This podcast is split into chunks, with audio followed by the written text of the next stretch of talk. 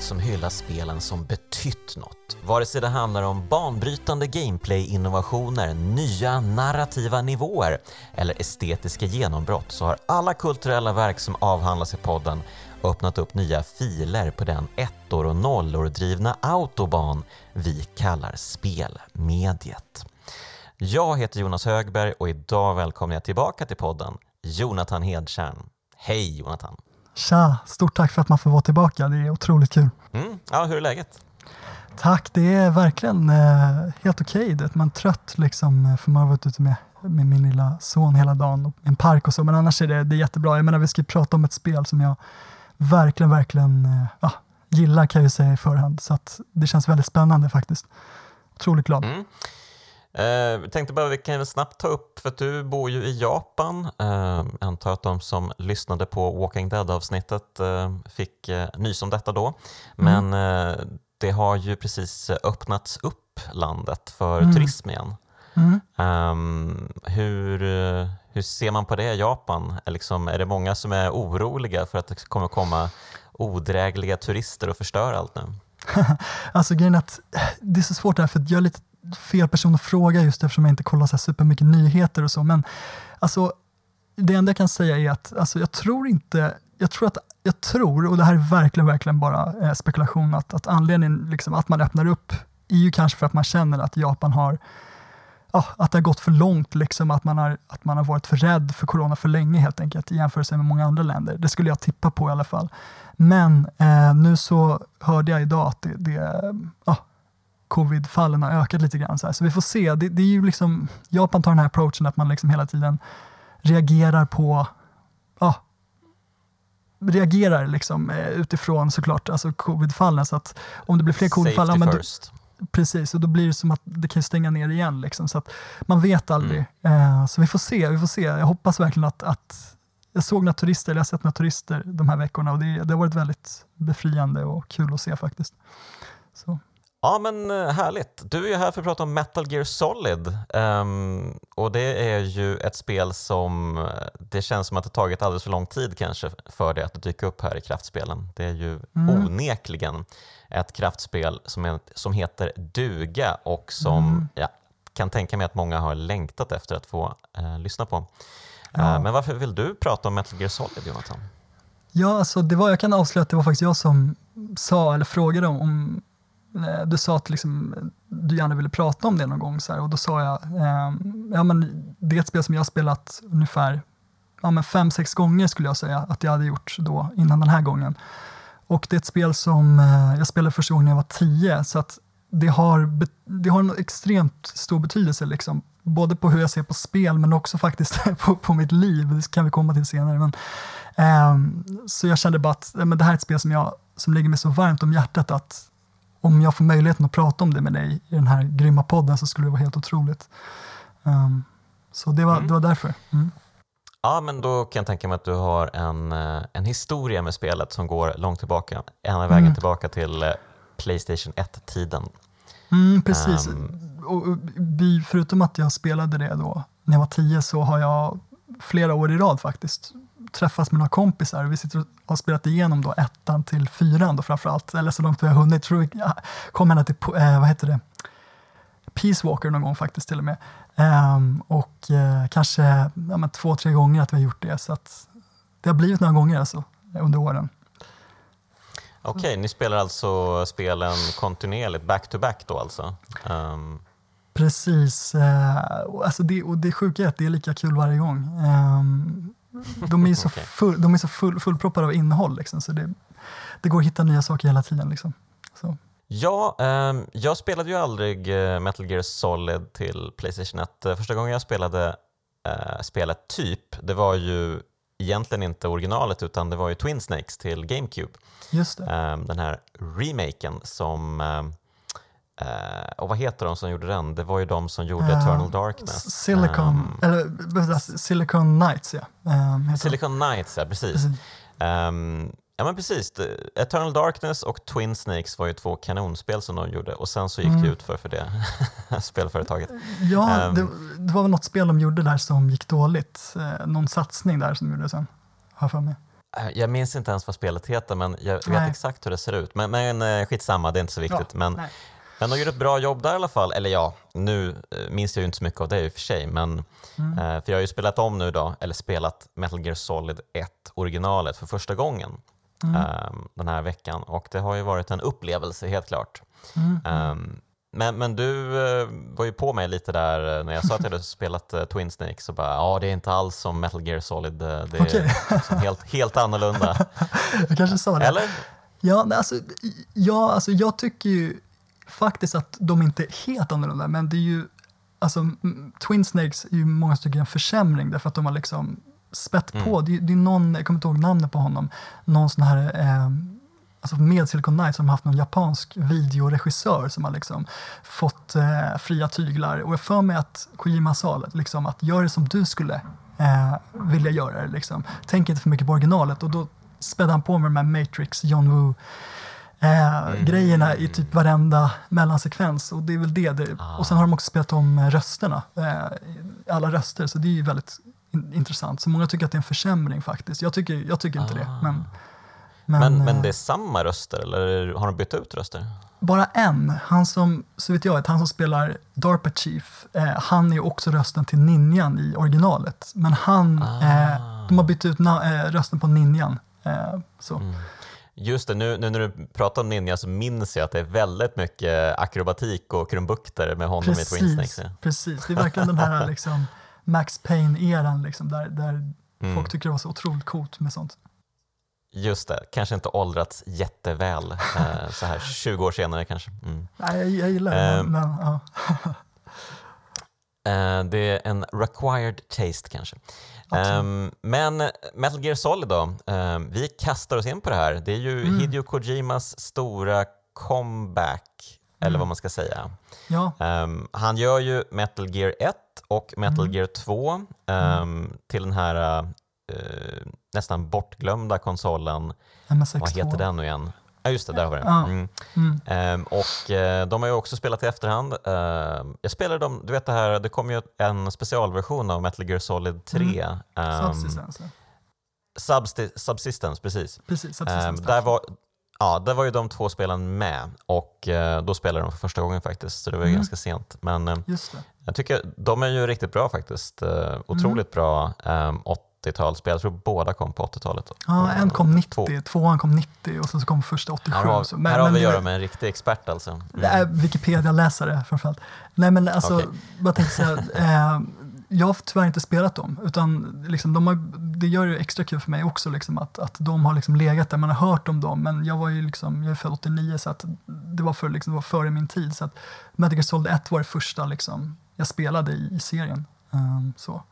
Så det är kul Mm. med den här kontrasten att det är många som, har- som har samma erfarenhet att Metal Gear Solid, de kände inte till Metal Gear tidigare. Liksom.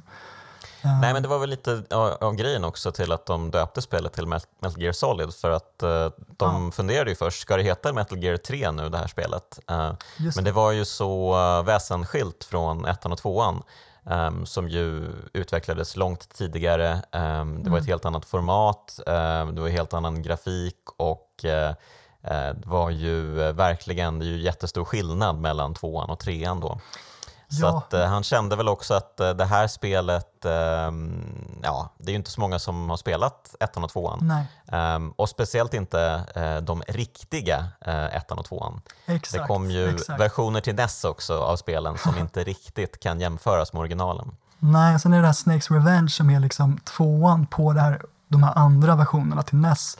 Är väl inte Mm. Kojima överhuvudtaget. Han var inte med i någon av dem tror Ja, jag, men jag tror tvåan är helt, exakt. han är, har inget med det att göra liksom. Ja, det är mär- märkligt. Jag vet inte exakt varför det blev så, men ehm, ja. Nej, inte jag heller faktiskt. Nej. Men hur som helst, vi är här för att prata om Metal Gear Solid och Mm. ehm, det är ju, ja, wow. Eh, jag måste säga att jag mindes inte att det var så, ehm, vad ska vi säga, det tog ju ungefär tio och en halv timme eller någonting för mig att eh, varva spelet. Uh, Mm. elva timmar jag. kanske. Mm.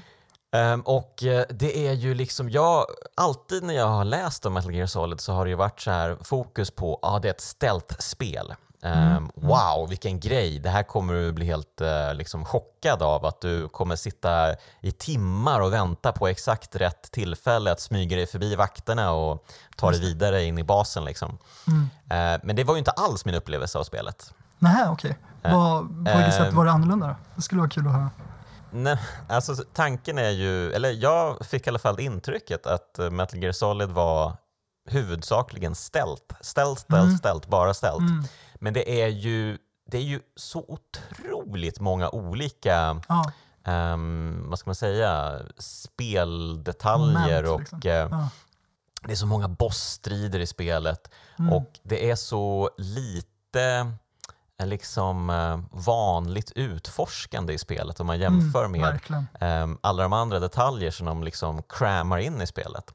Så det är, ju, det är ju en blockbuster i ordets rätta bemärkelse. För det, den ja, innehåller ja. så himla mycket och så himla mycket knas helt enkelt. Ja, absolut. Um. Och, mm, verkligen, jag tycker det är intressant det du säger, vi kan komma till det senare, men alltså det här med, för mig är det här spelet nästan lika varierat som ett spel som It takes two eller något sådär Super Mario Galaxy eller Odyssey, nästan åt det hållet. Alltså att det är så himla mycket nya, vad ska man säga, spel upplägg som introduceras hela tiden genom spelet, liksom, nästan fram till absolut sista bossen. Eh, så det är som du säger, det, där, den här gången också när jag spelade igenom det, för senaste gången kanske var så för tio år sedan eller någonting, då, jag minns inte att det var så jäkla liksom, varierat eh, som det ändå är och det, det, håller jag verkligen med om faktiskt. Um, mm. men, men, men, det är mycket eh, stealth vi... också. Det är mycket stealth också. Det kommer vi till. Ja, det är lite ställt. Det är ja, lite. Okej, okay, okay. det, ja. ja. Men eh, det blir definitivt ställt eh, från första början när man startar spelet. Um, så är det ju. Men vi, vi kan väl uh, ta det. Alltså, spelet börjar ju liksom in media res, verkligen pang bom. Mm. Det är ju en mm. ubåt på väg till en uh, ö. Mm. Och man, man fattar inte så mycket. Jaha, vad är det som pågår här egentligen? Um, det verkar... En, en spion verkar behövas för att infiltrera en bas och ja, vad, vad exakt är det som pågår Jonathan? Ja, ja det är precis. Och det här är, alltså jag har läst om det här flera gånger och det är svårt att sätta, sätta exakta fingrar på. Men enkelt uttryckt så är det att eh, några från Foxhound, och det, här, det här exakt vad Foxhound är, jag har lite så jag tror att det är en militär grupp som ganska tidigt i serien liksom bröt sig ur eh, liksom regeringen så, eh, och blev do, liksom en, en ond grupp så att säga, med Big Boss då, eh, i toppen som Snake då dödade i spelet tidigare, spoiler, eh, eller spelet innan. Och eh, några från den här Foxhound då. Eh, Jag gillar att du säger spoiler efter att du har sagt spoiler. Precis, exakt. exakt, det, det, är så man ska göra. Nej men alltså mm. det tror jag är sex, sju stycken då eh, med Liquid Snake i toppen då som har, eh, de vill av regeringen, de vill ha Big Boss DNA då som regeringen sitter på i hemlighet eh, tror jag de säger i början också, alltså regeringen har det som en hemlighet. De vill ha DNA och så vill de också ha eh, en miljard dollar. Och eh, så ens uppdrag är dock att, då att eh, inte ge dem det, utan att istället infiltrera då med Solid Snake som man spelar och ta reda på om de skulle kunna, just det, de vill såklart, de säger att om de inte får det här så kommer de att avfyra en, ett, ett kärnvapen helt enkelt. Och eh, ja, i princip skapa kärnvapenkrig. Så att man ska gå in och Först ska man eh, då, uppdraget är att man ska frita två stycken, en som heter Donald Anderson, en sån DARPA-chef. DARPA är en ska man säga, avancerad forskningscentrum inom militären.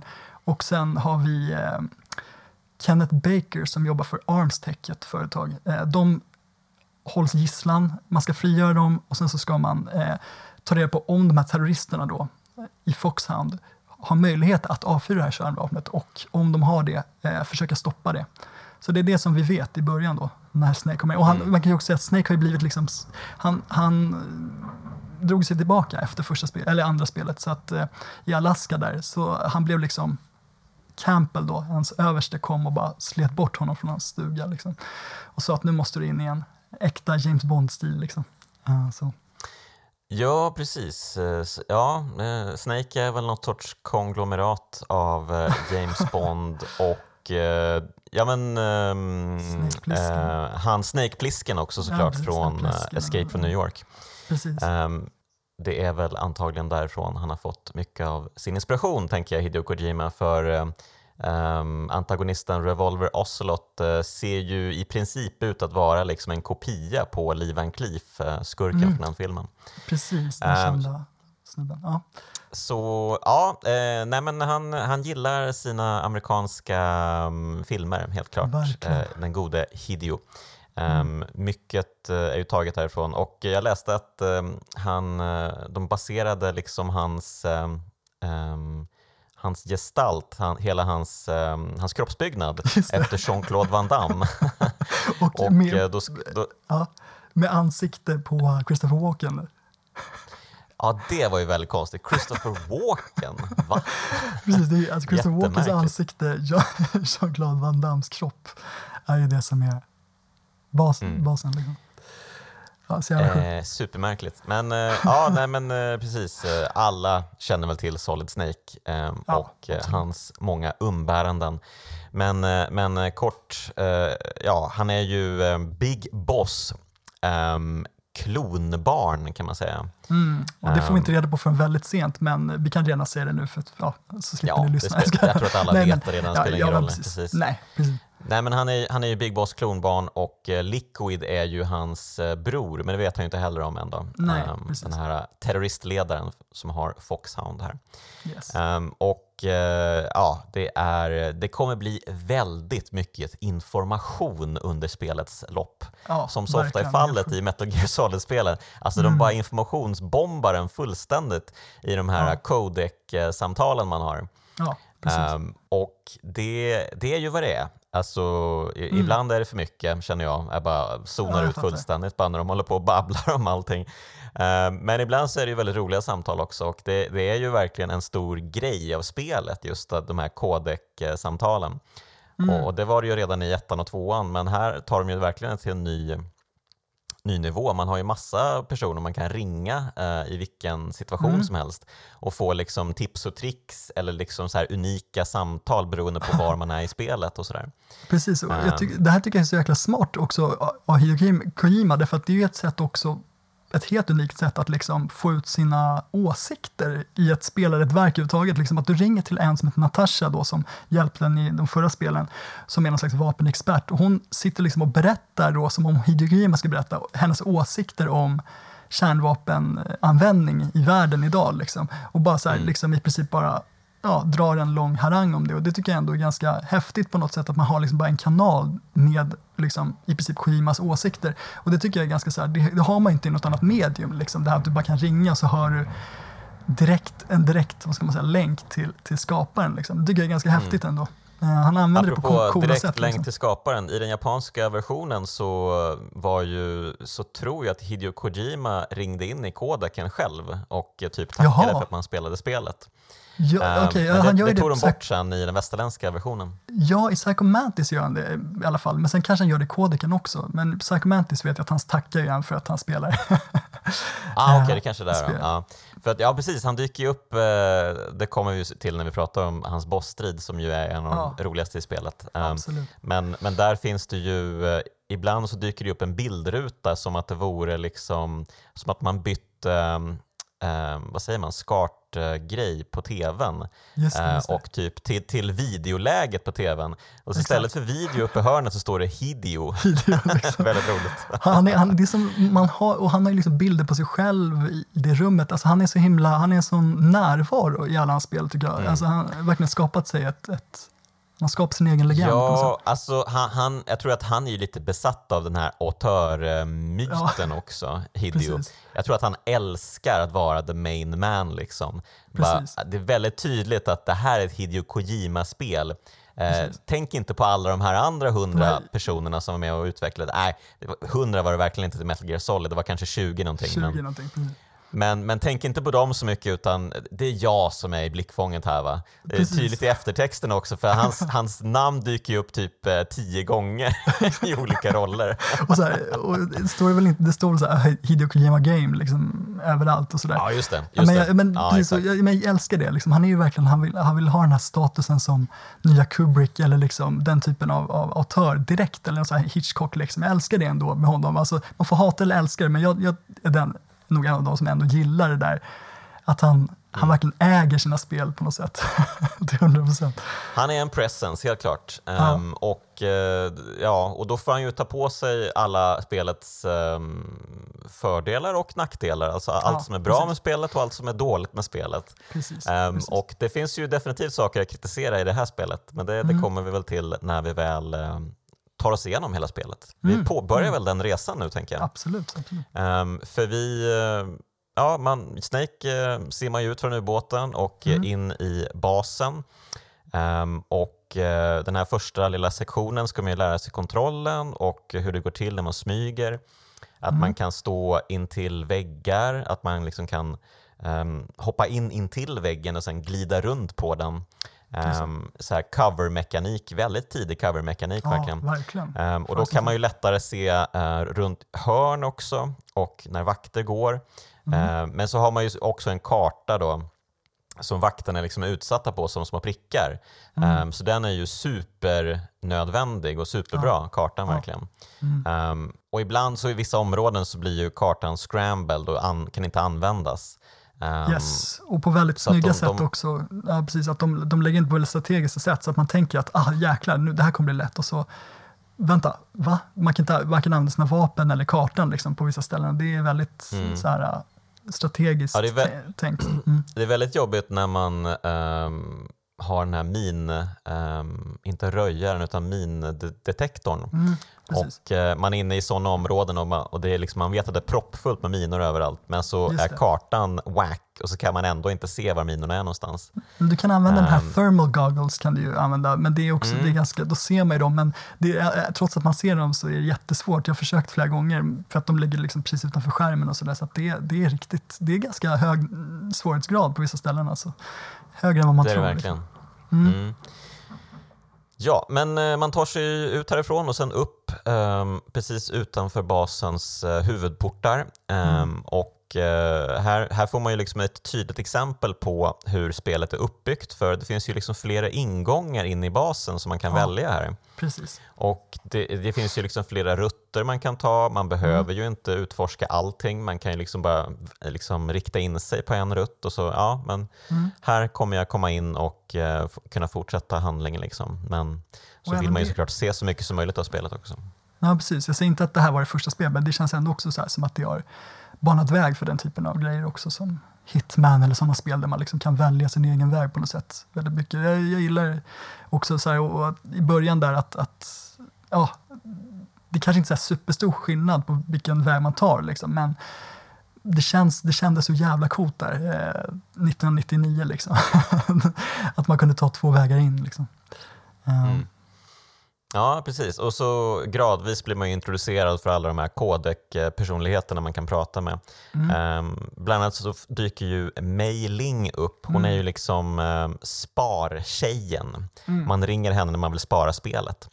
Um, och, eh, och här visar ju sig Snake eh, från sin rätta sida direkt här. Han stöter ju på henne omedelbart. Bara, Jaha, en kvinna, nu kör Precis. jag!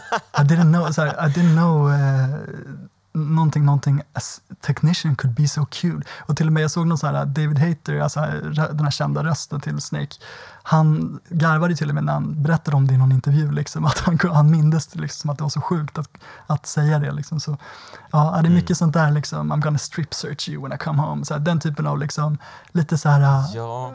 pseudo James Bond-dialog. Liksom. ja, precis. Det är väldigt mycket James Bond över Snake så fort det dyker upp eh, brudar. Precis. Då blir han helt tokig. Han, han blir som Ma helt... Uh, jag vet alltså, oh, gud. Jag bara ser tillbaka på alla, alla ögonblick han pratar med eh, kvinnor ja. i spelet. Alltså, vad ja, fan är det som pågår? Tänker jag. Ja, men exakt. Och, och att eh, han ska ju vara den här kalla personen också, så det blir extra roligt liksom, att han då plötsligt då tappar han allt. Liksom. Han bara tappar ansiktet mm. direkt. Liksom. Så, ja, men det är det som är så kul, för att han, han, dels så ska han ju vara Snake Plissken som är en väldigt eh, mm. eh, hårdhudad, liksom, fåordig personlighet. Precis. Och dels ska han också vara James Bond som, som så fort det liksom dyker upp en kvinna bara oj, blir helt personlighetsförvrängd. Liksom, bara. Va, han är liksom schizofren Solid Snake. Det är Ja fantastiskt. men verkligen, verkligen. Ja, men det, är, precis, det är väldigt så här, japanskt på något sätt. Liksom. Man får hata det eller älska det. Jag, jag tycker väl att det är lite proble- problematiskt. Men, men jag menar det är mycket så i anime. Liksom, så att man har den här anime-känslan över spelet också hela tiden. Liksom. Mm. Ja, Väldigt verkligen. japanska, Det är, ju- liksom. det är ju väldigt så här melodramatiskt spelet. Ja, Eh, väldigt. Otroligt, otroligt melodramatiskt. Vissa scener är det verkligen dra på 110 procent. Alltså. Eh, Ja, gud ja. Men eh, samtidigt, jag håller med dig. Det finns en charm i det också. Ja, jag älskar det, Ehm, men, men det är ju verkligen så här, mm. smak och tycke. Liksom. Ja, men det går ju lite fram och tillbaka också. Ibland känns det väldigt kul och ibland känns det för mycket. Ja, Eh, så att, eh, ibland pikar de lite väl kanske, men, men, men vi kommer säkert till de ögonblicken också. Eh, men vi tar oss in i den här tankhangaren här på Mm. Shadow Moses, som ön heter. Underbart namn. ja, Ehm, och eh, ja, man väljer ju själv vilken ventilationstrumma man, man kör, men Mm. in kommer man och eh, ja, man, man har ju faktiskt tillgång till ett uh, första persons eh, vy här. Eh, dels när man är i ventilationstrummorna, men man har ju också möjlighet att kika i första person även när man är ute i ehm, ja, men, när man gör sin vanliga stealth gameplay liksom, så kan man alltid hoppa in i första person och kika sig omkring. Mm. Ehm, det är väl lite Super Mario 64-influerat kanske? Så där finns Ja, också möjligheten att Precis, kika men då det, första person. precis, exakt, och då är det viktigt att veta att man inte kan skjuta och det, det la de faktiskt till i en sån här integral version, alltså en version som kom efter som, sub- som det är subsistence eh, i Japan där man faktiskt kunde skjuta samtidigt som man kollar första person. Då blir spelet helt annorlunda liksom, men, men man kan ju inte skjuta Mm. så att eh, man får liksom man kan ju inte sikta in sig på fienderna och liksom på det sättet eh, skjuta dem i förväg, vilket man skulle kunna Mm. till exempel när man Mm. har ljuddämparen så. Så det, det blir lite trixigt men, men jag tycker nästan det är bättre utan första person på ett sätt därför att det gör det svårighetsgraden lite, lite högre liksom, på ett bra sätt. Så. Men jag är lite nyfiken på hur du spelar Metal Gear Solid. Mm. Smyger du runt vakterna? Försöker du neutralisera dem? Ehm, hur, hur ser ditt gameplay ut? Alltså, jag har ju spelat det så många gånger så att jag har ju liksom någorlunda koll på var de går och så. Men jag fick ändå lite överraskningar och mitt gameplay är ju bara liksom springa förbi så snabbt som möjligt i princip. Bara för att jag inte vill ödsla tid helt enkelt. När jag vet ungefär vad som kommer hända och var de är. Så. Eh, men Mm. för att göra mm, liksom en, en lång historia kort så brukar jag köra, det finns en ljuddämpare relativt tidigt i spelet. Eh, Ja. Precis innan man går ut till Vulcan Raven som vi kommer till sen. Och har man den så blir spelet väldigt lätt för då kan man bara köra den här standardpistolen, SOCOM, med ljuddämparen och så bara skjuta fienden på avstånd därför att den, vad heter det, autosiktar ju. Eh, Så att även om du inte ser fienden så kan du liksom den har ett så här lasersikte eh, och då vet du okej ungefär vad fienden är och så bara trycker du på fyrkant eller vad det var.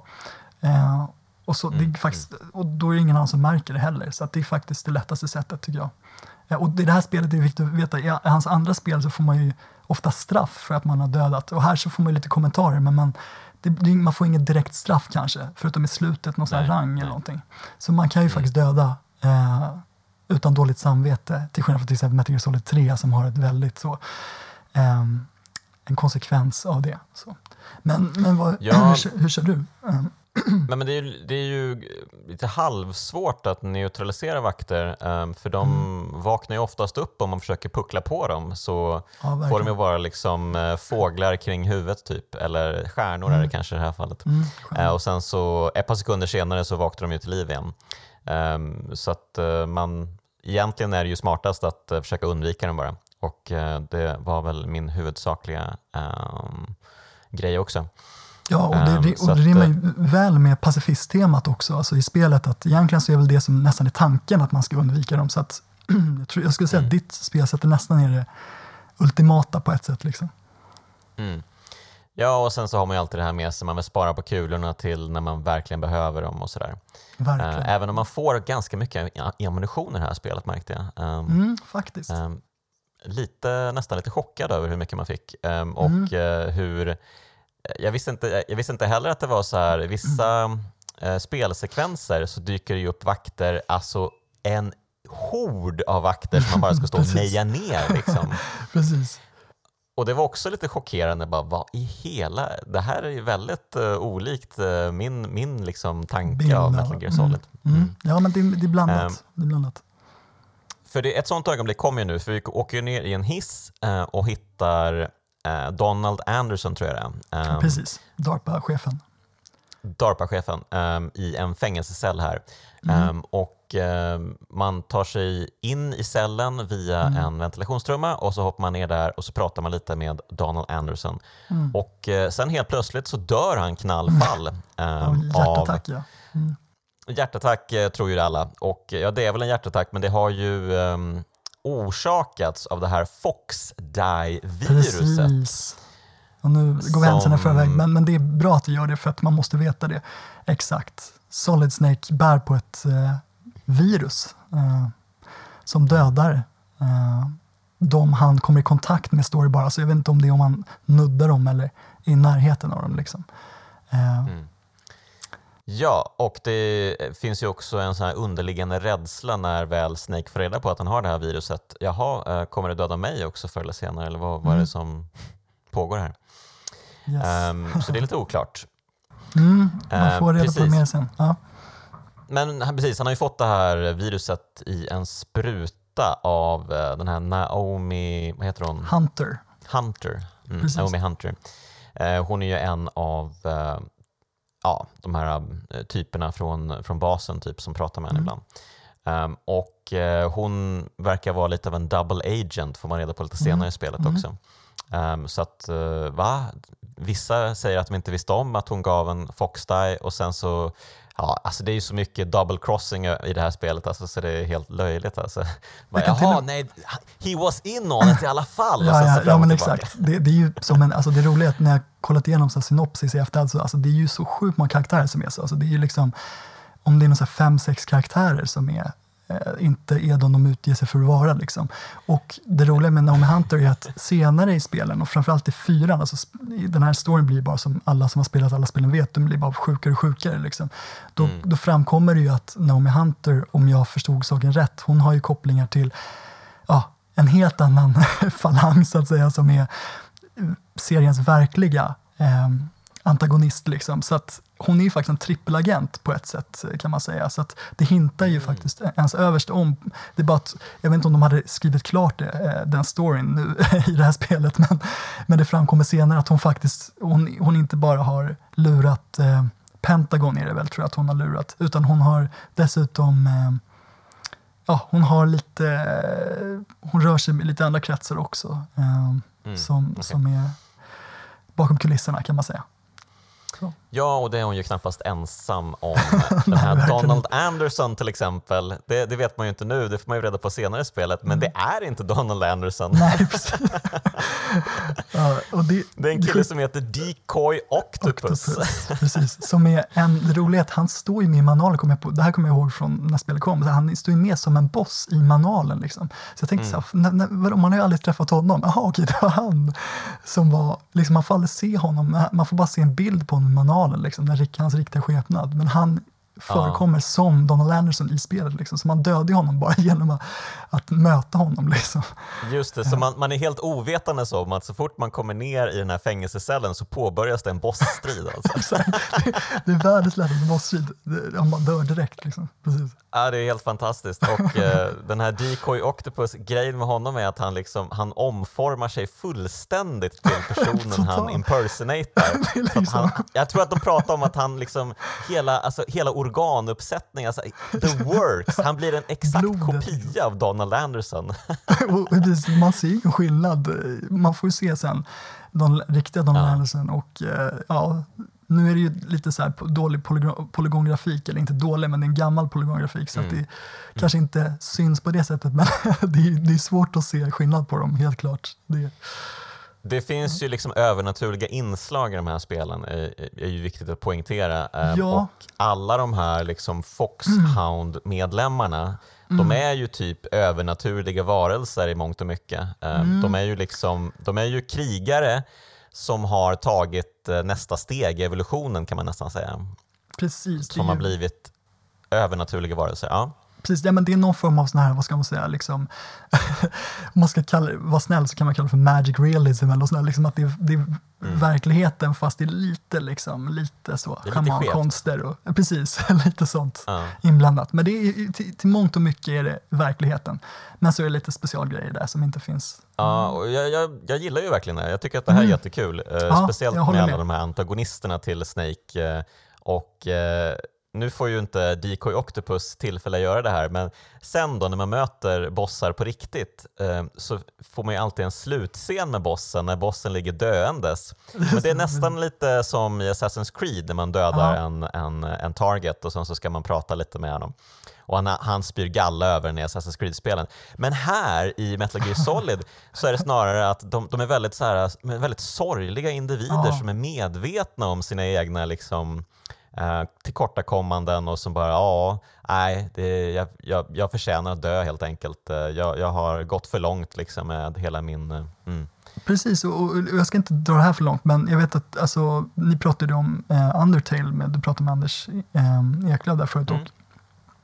Och, och eh, jag menar, på ett sätt är det lite samma sak. Alltså, det här banade ju lite väg för den typen av spel också, att man liksom ifrågasätter liksom sina egna val. Var det rätt av mig att döda de här eller inte? Att de på något sätt ger en skäl till varför man inte borde ha dödat dem.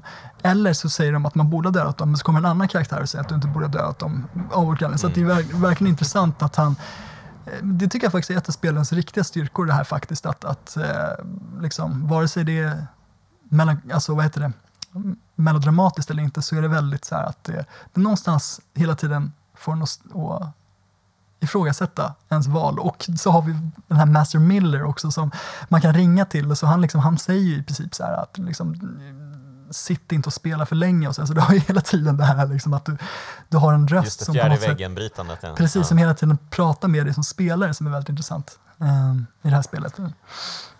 Ja, nej men eh, precis. Det, det här var ju helt sjukt eh, när man spelade första gången antar jag. Eh, ja, jag, verkligen. jag hörde ju talas om de här grejerna via Mm. speltidningar och sånt eftersom jag dröjde med att spela tills Twin Snakes. Men Mm. eh, alla, alla kände ju till Psycho Mantis bossstriden. Liksom. Ja, helt sjukt. ju. och eh, Mm. det som hände där. Men, men innan vi kommer dit ehm, så Decoy Octopus har dött. Ehm, Snake Mm. är kvar i sin fängelsecell men han märker att det händer någonting utanför. Eh, någon har knockat en vakt och plötsligt så Mm. öppnas dörren. Eh, man får komma ut och så är det en annan eh, vakt eller någon som har tagit på sig eh, den klubbade vaktens kläder Ehm, och en sån här mask för ansiktet och eh, siktar ett vapen mot, eh, eller riktar ett vapen mot Snake. Mm. Eh, men Snake märker ju tydligt att det här är en person som inte är van vid att rikta vapen mot människor. Ehm, som kanske har eh, blivit tränad i konstens alla regler för krig och så, men inte riktigt varit med om det, det, ehm, att vara i hetzonen än. Liksom. Nej, precis. Så att han, eh, han kan ju ganska lätt eh, bara, nej, det här tror jag inte på, du kommer inte skjuta mig typ. Och sen då, då så kommer hela bunten, alltså alla vakter i hela, i hela hangaren bara dyker in. Och eh, då måste man stå och eh, bara mosa dem. Fullständigt barockt. Ja, och det är ju Ehm. intressant för hittills i spelet så har man ju bara smugit så att det är väldigt kul att, att eh, plötsligt så är det som att de bara bryter hela det. Man tänker ju som du säger att man ska bara behöva smyga sig igenom hela spelet eh, och det är det som Mm. manualen och så ge, ger liksom antydan om. Men sen så bara o- oj, liksom, jaha, Mm. massa actionsekvenser. Så det är ju lite kul att de redan där bara leker med ens Mm. förväntningar på något sätt. Ja, alltså å ena sidan eh, är det ju kul att de liksom bryter upp och bara, ja men det är klart att du ska få använda ditt vapen också. Eh, ha lite kul här. Eh, å andra sidan är det lite trist att det blir så eftersom det så tydligt har varit liksom eh, stealth-tanke och lite moralisk tanke också bakom allting. Så här att eh, det är nog bra att inte döda och sådär i onödan och sådär. Kan ju ha varit någon som sa liksom, att ni måste, ha, ni måste ha in någonting, liksom. det, det blir för tråkigt annars. Eller något sånt där, liksom. Det var ju sådana tider. Mm. kan det ha varit. Man vet. Så kan det ha varit. Men det är ju verkligen så här, äh, det, det kommer ju i horder alltså. Så det kommer ju först typ eh, tre, fyra pers, så tänker man oj, oj, oj, okej, det var konstigt. Sen kommer det ett nytt gäng, oj, okej, jag får fortsätta. Och så kommer det ett nytt gäng igen, och man bara va, va, hur många kommer det? Just det, ja, men det, just det, men jag tror att det är någon tre vågor eller någonting där. Eh, Mm. Men det känns ju väldigt, väldigt mycket jämfört med de, vad är det, fem vakterna totalt eller något sånt där som man har smugit sig förbi. Ja, Liksom. exakt. Ja, jättekonstigt. Eh, och, och, och, då, um, och när man är klar med det här så smiter ju den här uh, vakten då som har riktat vapnet mot en och så man är ganska övertygad om att det är ingen vakt det här utan det är någon, någon sorts agent där. Ehm, och eh, smiter mot hissen.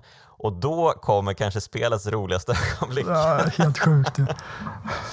Alltså, eh, kameran zoomar in på vaktens eh, rumpa och den Precis. gungar som en, ja men, som man skulle kanske säga att ehm, en tjej på en catwalk skulle gå typ. Ehm, det är mycket hips in motion här liksom. Eller som Och- Hideo och- Kojima tänker sig att kvinnor går, antar jag. Om jag ska vara. Ja som, ja, som man tänker sig att kvinnor springer tror jag. Ja, precis. Eh, Ja, för de ja, springer exakt. ju här verkligen. Och så klipper kameran till Snake som bara what?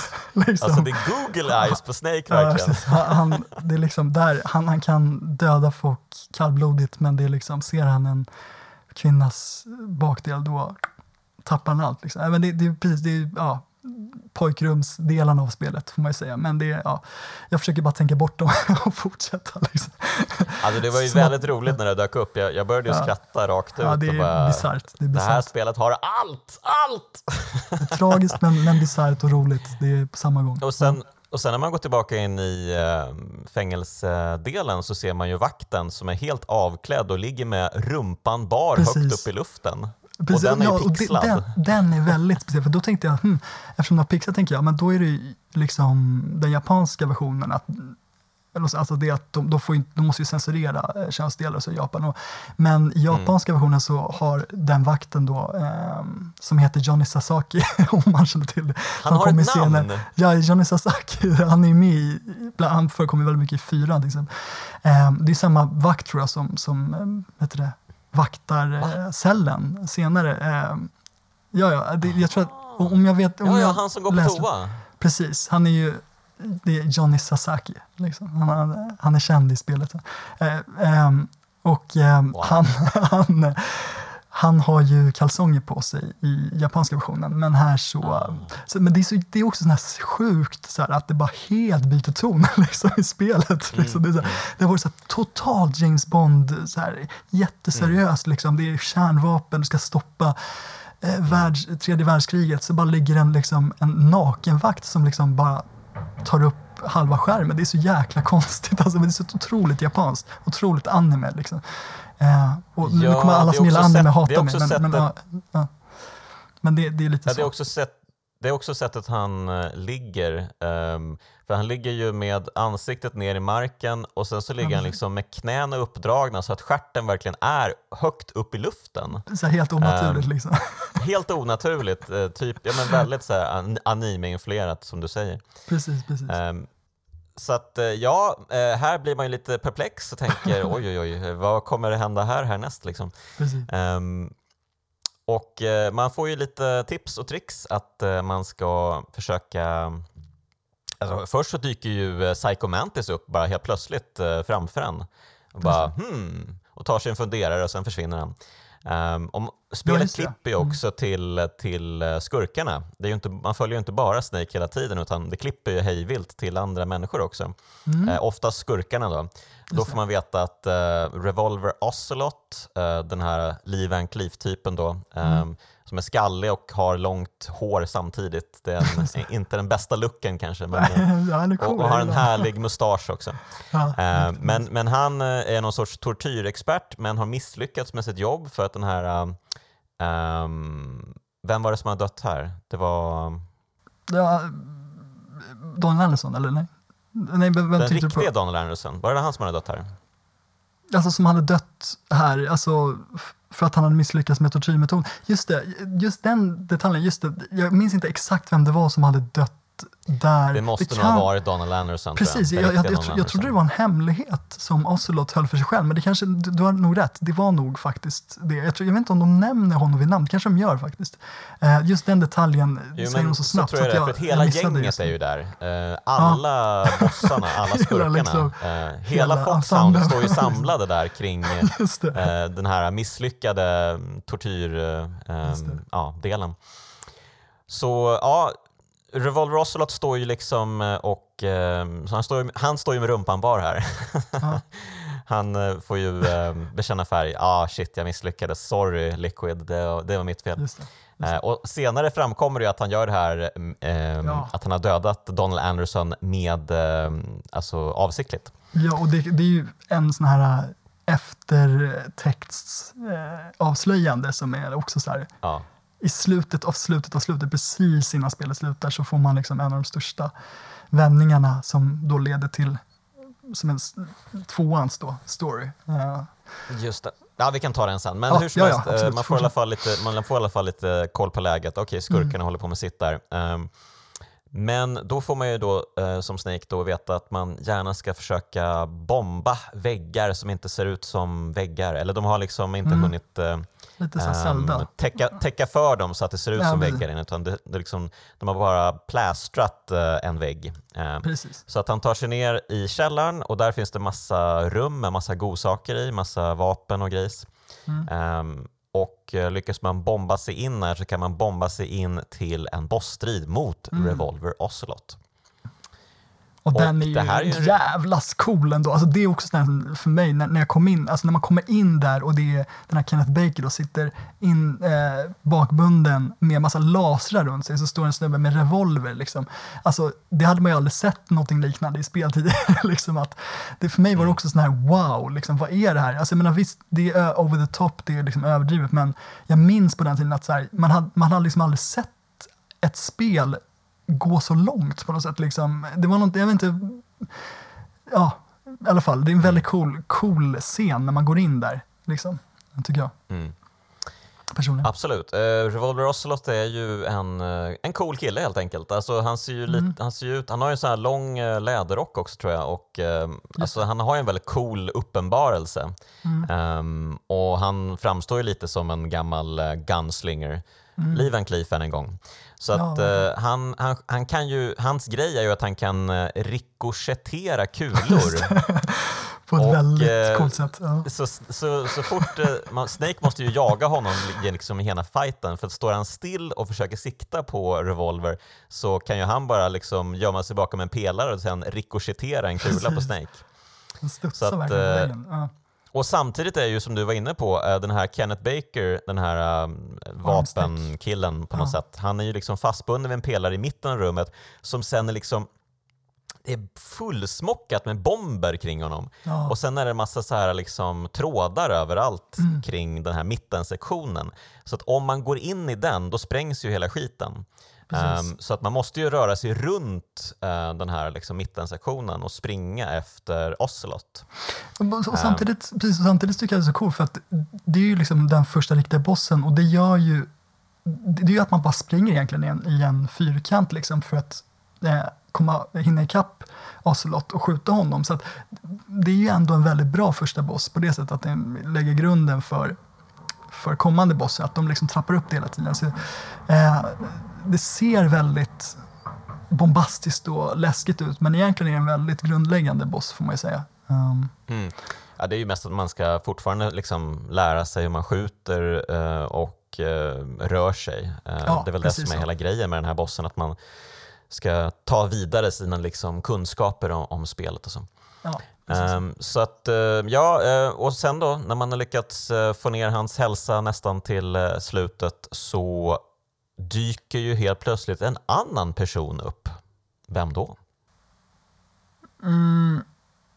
Ja, du menar jag, eh, förlåt, eh, ninjan. Eh, ja, precis. Och skär av honom armen, precis. Eh, och det här blir Ja, väldigt och den här betydelsefullt. ninjan du pratar om, det är Ja. alltså inte riktigt en ninja så som vi tänker oss en ninja. Nej, utan ja, ska jag säga, jag kan bara avslöja allt. Ja, men alltså, han, han, eh, han är ett- en exoskelett som har eh, återupplivats eh, från, ja, man kanske kan säga rakt ut, det, är- han heter Grey Fox och var, om jag förstod det rätt, Snakes fiende men också någon form av så här, hans medhjälpare och fiende på samma gång på något sätt eh, i de tidigare spelen. Men de, han dog och återupplivades av, om jag tror det var regeringen eh, faktiskt. Eh, Mm. Om jag inte minns fel. Precis, han var del av något sorts program där. Eh, Precis. De skulle försöka skapa superkrigare. Eh. Eh, men eh, precis, så att han, han är ju väldigt plågad den här Ninja. Eh, Precis. jag tror att han, de kallar honom bara för Ninja i spelet. Mm, och, eh, eh, precis, Ninja, precis. Och Grey Fox. Och, eh, han, men precis, man får reda på lite senare i spelet att det är Grey Fox och då får ju Snake lite av en chock för att det var ju det var ju typ Snakes bästa vän en gång i tiden. Ja, och, men han Och slogs ju med honom hans också. värsta fiende också. Så det var ju lite som både och där. Mm. Um, och de hade en uh, superfight då, jag tror att det var Metal Gear 2 um, Ja, som han dog. Och uh, ja, det är ju sorgligt såklart och det enda uh, Ninja lever för, enda, liksom, enda orsaken till att han kommit till Shadow Moses, för att man, man tänker ju att det är ännu en kille som har något ulterior motive, han är här för att mm. ytterligare någon organisation eller någonting. Men nej, inte vad det verkar som. Eh, han är här bara för att få utmana Solid Snake på strid igen. Mm. Ja, och det där tycker jag är en jätteintressant grej faktiskt, för det får man ju egentligen inte riktigt reda på.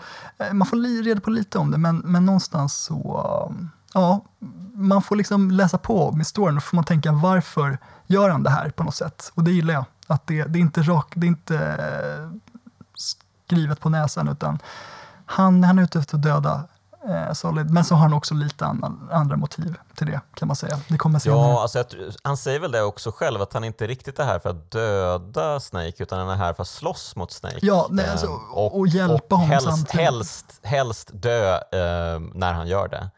Exakt. Han, han vill ju dö, det är ju hela hans grej. Han, han lever ju ett fruktansvärt liv i den här um, cybernetiska dräkten som han vistas i.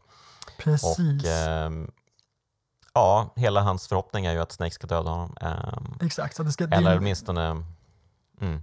Det är ett återkommande tema i spelet att, att det här liksom att vi ska slåss om värdiga motståndare kommer i flera bossar. Eh, hand mot, alltså liksom i knytnäve mot knytnäve eh, utan eh, pistoler. Så. Det får man ju köra eh, mot andra bossar också. Så det, ja, det är väldigt samurai-liknande. Eh, nice. ja, och jag menar, han, eh, det, det kom ju ytterligare story då, eh, lite senare om att mm. Eh, han, Grey Fox och Naomi Hunter har ju också story tillsammans. Ehm, ja, och, och det, det, här är hon, jätte... hon, är ju, ah, hon är ju hans adoptivsyster. Mm. Um, och alltså allt det här får man ju reda på i kodek-konversationer så att det är ju mm. väldigt, mycket, väldigt mycket babbel om bakgrunder och sånt. Liksom. Bara, ja, nej men så här ligger det till egentligen. Mm. Uh, en gång i tiden så, ja, massa sådana grejer. Uh, men uh, grejen med Naomi då att hon var väl född i, i något afrikanskt land om jag minns Ro rätt. Rhodesia för mig. Om det var. Rhodesia och sen så dök Grey Fox upp och hon säger att han räddade henne. Men i själva verket så berättar ju då Grey Fox i, i slutet av spelet att yes. Ja, han hade dödat hela hennes familj och tanken var att han skulle döda henne också men han kunde inte förmå Nej. sig själv att göra det. det. Så att istället så adopterade han henne som sin syster. Yes, och det, det ger också hela spelet ett tema. Eh, hon pratar om att hon hela tiden försökt förstå vem hon är genom, det är därför hon blev, vad är hon, någon slags DNA expert eller analytiker, forskare på något sätt. Eh, och att hon mm. liksom har försökt få reda på sitt ursprung. Liksom. Eh, och mm. att det är ju får man reda på senare i spelet att det är lite av spelets tema också. Och det roliga med, med hans namn, Grey Fox, han heter ju Frank Jager. och eh, en, en engelskspråkig person kanske inte förstår det, men eh, vi som ja, men vi svenskar vet ju att Jager, jägare, liksom, så det är ju Hunter mm. Jager. Liksom. Eh, det är mm. ganska eh, smart ändå. eh, att han liksom på ja, något sätt... Supersmart är det kanske inte, men, men absolut. ja, fast det... fast det... är inte smart, men jag tycker att det är en väldigt så liten grej som är snygg för att när man sen tänker på det så är det som att allting på något sätt i mm. spelet har en baktanke. Vare sig det är liksom, du vet, världens mm mest intelligenta grejer eller inte så är det som att Kojima har tänkt på varenda jävla liten grej i spelet. Det, det älskar jag. Liksom. Absolut, absolut. Um, jo, um, alltså bara att skriva hela det här jävla manuset måste ju ha tagit uh, flera år. Alltså. Det är ju så himla mycket grejer ja, uh, och så himla många samtal i kodek och uh, alltså mellansekvenserna är ju långa här men de blir ju såklart helt parodiskt överlånga i tvåan, trean och fyran. Ja, liksom fyran är ju helt sjuk. Ja, ja, men vi ska eh, prata om ettan nu. Så, eh, vi ska inte prata om den, tack och lov. Nej. Eh, vi ska prata Nej. om ettan. Som om. får jag kanske ändå säga är mitt favoritspel i Metal Gear mm. Solid-serien nu. Det är förståeligt. Det är förståeligt. Ja, absolut. Den, den har ju verkligen så himla många roliga detaljer i det här spelet och så många ja. roliga bossstrider. Som, ja. Nej, men det är fantastiskt. Men äh, ja, Ninja hoppar in, skär av handen på Revolver Ocelot, men gör inte så mycket mer. Han försvinner. Mm, precis, och Kenneth Baker känner igen honom sen av någon anledning också. Mm. Just det. Um, Revolver Ocelot, uh, stukad, försvinner Mm. också. Uh, nästa gång tar jag dig Snake! Och Yes. eh, så kan Snake då rädda Baker och eh, få ut lite mer information från honom.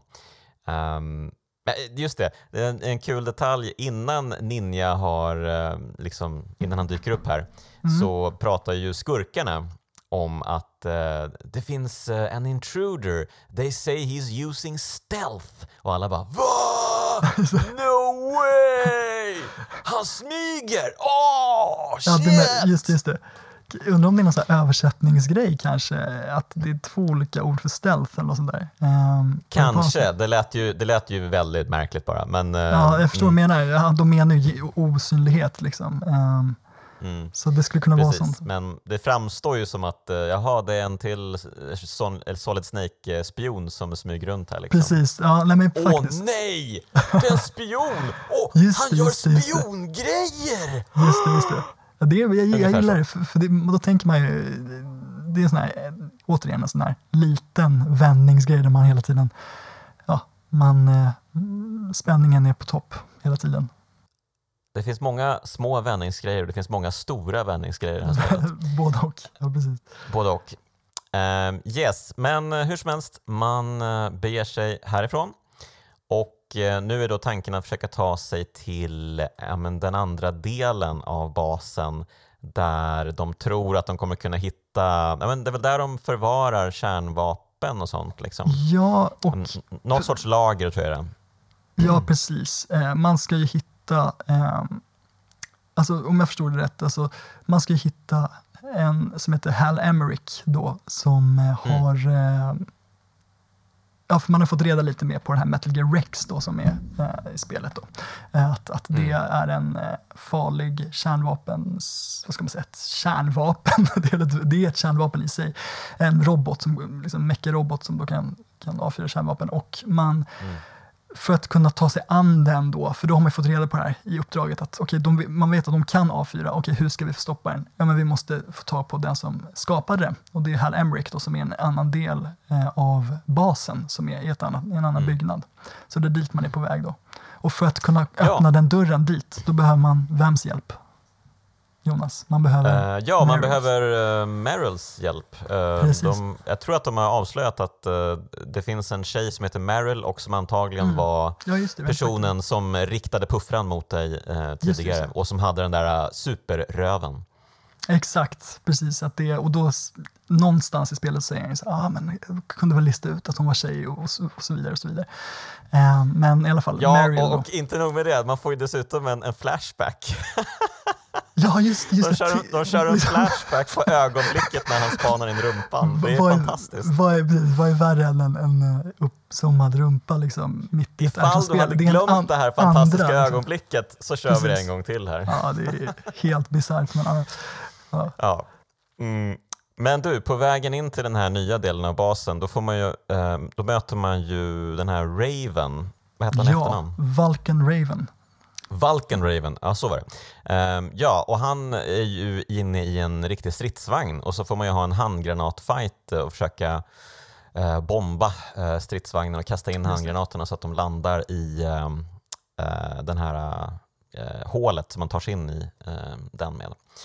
Eh, Man bombar den, man tar sig vidare. Eh, Vulcan Raven hoppar upp igen som gubben i lådan efter att Snake har försvunnit och, bara, och eh, snackar med sina överordnade och bara ja, han är på väg nu. Mm. Han fick keycardet av mig. Ja, visst. Huh, huh, huh. Ja.